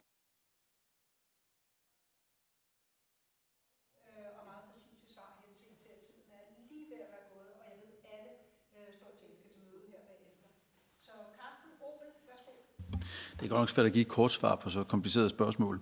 Men jeg tror, det helt, øh, det helt grundlæggende er, at hvis øh, i forlængelse af de ting, der kommer fra de, de gode politikere her, så, så lyder det til, at der er brug for den her strategiske plan, som starter med øh, helt helt holistisk at se på, hvordan udvikler vi sundhedsdannelse fra starten. Fordi jeg tror også, der kan være et problem at putte en pointe i at fokusere på det psykiske. Men kunne man forestille sig forankret i sundhedsplejen, og som sundhedsloven, og som også giver nogle muligheder i forhold til data, øh, at man sådan startede meget tidligt med at sige, overgangen fra skole, eller fra børnehave til skole, der laver man indsats for at skabe det her fællesskab, for at skabe den her accept af diversitet, og så giver de basale evner til at kunne navigere i livet, som alle børn har brug for. Så er der nogen, der i den proces vil vise sig at have særlige problemer. Dem kan man så tage relativt proaktivt fat i. Så jeg tror, man skal have den der hele forebyggelsestilgang, som vi også har lagt op i vores vidensrådsrapport. Så det synes jeg, det kunne være fantastisk at udvikle det så på tværfagligt og måske samarbejde med på tværs af øh, øh, politiske partier. For jeg synes, det er lidt ligesom øh, man fredede folkepensionen i Norge. Det er altså et så vigtigt altså indsatsområde det her, så det burde på en eller anden måde være ud over politiske særinteresser. Så jeg vil meget gerne være med til at bygge det sammen med mine gode kolleger her. Det, det synes jeg faktisk, man skulle prioritere at, øh, at, at rykke hurtigt på det her område. Tak for det, Carsten. Så er det dig, Jeanette, til Jamen, jeg, jeg supplerer bare lige i forhold til det med, med, med, med data, fordi jeg er meget enig, og, og det her, og, altså, social- og psykiatriområdet i kommunerne er jo ikke specielt godt databelagt i virkeligheden. Vi ved noget, vi ved ikke så meget. Vi, vi, vi, og det, det, den, den optagethed, der har været omkring data, har meget gået på aktivitet og økonomi, altså sådan helt basalt. Øhm, men, men det skal vi videre med, og jeg vil gerne, altså vi skal have de der 83 til at blive til 98, det vil jeg i hvert fald gerne øh, samarbejde med dig om, hvordan vi kan gøre det som den ene del. Men jeg tror også, det der med data, det handler også om, at, at, at, at der skal være en modenhed i forhold til, hvad, altså, hvordan arbejder man med data. Der er nogle data, som skal bruges af politikerne, altså som I skal bruge i jeres politiske data, og som er en type data. Så er der nogle data, man har brug for inde, nede i systemet. Embedsmændene har brug for det i forhold til at sætte nogle rammer for, for, for, for den måde, man, man, man, man driver kommunen på. Og så er der de data, som den enkelte fagperson har brug for i forhold til at udvikle sin egen praksis og i forhold til at blive klogere. Og, og det er alle tre ting, man skal arbejde med noget mere systematisk og struktureret, end man gør i dag. Jeg er helt enig med dig, Janne, at der er, der er noget her, som vi, som vi simpelthen skal have arbejdet med. Øh, og, og at kommunerne er i gang med at lave, eller KL er vi i gang med at lave sådan en stor forkromet datastrategi for kommunerne, men i virkeligheden for, for at skubbe på den der altså efterspørgselsdelen af det. Altså vi skal efterspørge data for at kunne bruge data. Øh, hvis vi bare har data, og de bare står på en hylde, så kommer vi ikke til at bruge dem. Så det, det kræver noget, øh, og det, det tænker jeg er noget, vi skal snakke videre om. Tak for det. Så Stefan, får du lov at lukke ledet her, for så vil der angår oplægsholder. Værsgo. Det er godt, tak. Øh, jamen, i forhold til PPR, så, så oplever jeg lidt, at, øh, at det, er jo, det er jo lidt en arbejdsplads. Det er jo den største arbejdsplads for psykologer i Danmark, og det er jo også øh, der, hvor mange starter. Men alle psykologer, de går rundt og tænker, jeg vil gerne arbejde klinisk, også på et tidspunkt. Hvis de ikke får lov til det, så, øh, så kan man godt sige, at så, de, så, så har de en drøm om også at komme videre. så man kan sige på den måde, hvis man skal arbejde på at fastholde øh, øh, psykologer i PPR, så skal man ligesom også leve op til den fortælling, som de fleste andre har om psykologer, det er jo, at man er klinisk psykolog. Øh, det der med PPR-psykolog, hvad er det lige for noget? Ikke? Øh, så jeg tænker lidt, at øh, hvis man vil fastholde psykologer, så skal de også opleve og hvad kan man sige, efteruddannelse, eller at man, man får lov til at arbejde klinisk, altså arbejde terapeutisk. Øh, og hvis man får lov til det, så er der overensstemmelse mellem øh, andres fortælling om, hvad en psykolog er, og ens egen fortælling om sig selv. Og det gør, at man bliver fastholdt i arbejdet i højere grad. Det giver super god mening. Tusind tak for det. Så vil jeg sige, nu er vi lige ved at være nået til øh, vejs ende, og det har jo været en meget, meget udbytterig formiddag, det tror jeg godt, jeg tør at sige. Og hvis jeg lige ganske kort skal bare samle et par af dagens øh, hovedpointer op, så lærte jeg med dig, Naomi, et øh, helt nyt udtryk. Jeg troede, demokratisering, det var sådan noget med at stemme og noget med politikere, men det er i virkeligheden bare en helt anden type udsathed, og det synes jeg er meget fint lige at, hvad skal man sige, få, få sat nogle andre ord på, hvad demokratisering også øh, kan være. Med dig, Carsten Nobel, der lærte vi lidt om den sorte svane. Jeg kunne jo godt tænke mig, at Danmark blev til den hvide svane. Vi hørte også af Robert øh, Goodman, han i hvert fald siger, at vi har både grundlaget og vi har ingredienserne. Og så sagde du jo meget klogt, at psykiatri er ikke one size fits all. Med dig, Linda, der lærte vi faktisk, at det er super positivt, at, øh, at man finder flere børn og unge, som har ADHD, ADD og autisme, fordi det bidrager til afstigmatisering. Og det tænker jeg er en af de helt store udfordringer også i børne- og ungepsykiatrien, alt den stigma, der er forbundet med at have en diagnose. Marianne, du sagde øh, blandt andet en tidlig indsats, hørte vi fra dig og fra øh, Psykiatrifonden. Og så tror jeg faktisk også, det var dig, der aller, aller først øh, sammenlignede med skoletandplejen. Der er jo flere her, der siden har nævnt det. Og jeg kan bare sige, ligesom vi under corona har set en stigning i henvisninger til børne- og ungepsykiatrien, så har man også, nu har jeg jo en skummel øh, fortid inden for dentalbranchen, har man faktisk også lært under corona, at flere børn har fået karies. Øh, så sammenligningen er jo ikke øh, helt skæv. Øh, Pia, øh, med dig, der lærte vi, at øh, gevinsterne bliver større, jo længere effekterne holder, og det synes jeg er en rigtig god læring omkring Mind My Mind, som jo er et af de eneste evidensbaserede tilbud, vi har, og det skal vi bruge, for det er jo noget, der bliver efterspurgt derude, nemlig evidens. Øh, Trine og øh, Stefan, Øh, I havde en rigtig god pointe omkring netop det, som du også sluttede af med, Stefan, at øh, det kliniske arbejde er faktisk en, et middel eller en måde til at fastholde psykologer i PPR, og det er der i allerhøjeste grad øh, brug for. Og sidst, Jeanette, så var en af dine skarpe pointer, at øh, kommunerne skal være et living lab, og øh, det vil jeg faktisk holde jer op på i øh, KL, når I nu har konstitueret, og vi skal mødes igen. På vegne af Sundhedsudvalget, der vil jeg gerne sige alle jer oplægsholdere tusind tak for jeres øh, konstruktive, kreative og super relevante bidrag. Jeg vil også gerne sige tusind tak til alle jer, som har kigget med i dag. Der venter et rigtig, rigtig spændende arbejde for alle os, som skal arbejde med 10-årsplanen for psykiatrien. Og inden at jeg lukker ned her og siger, at både PowerPoints og høringen her kan man genfinde på Folketingets website, så vil jeg lige bede oplægsholderne om at blive her, fordi jeg kan se, at Hanne hun har en rigtig spændende pose stående derovre, og der ved jeg, at der er en lille ting, som tusind tak for hjælpen for, I vil øh, møde ind her i dag og bidrage øh, til vores arbejde. Så tusind tak for det, og fortsat god dag, både til jer, der sidder her, og til jer, der har kigget med derude.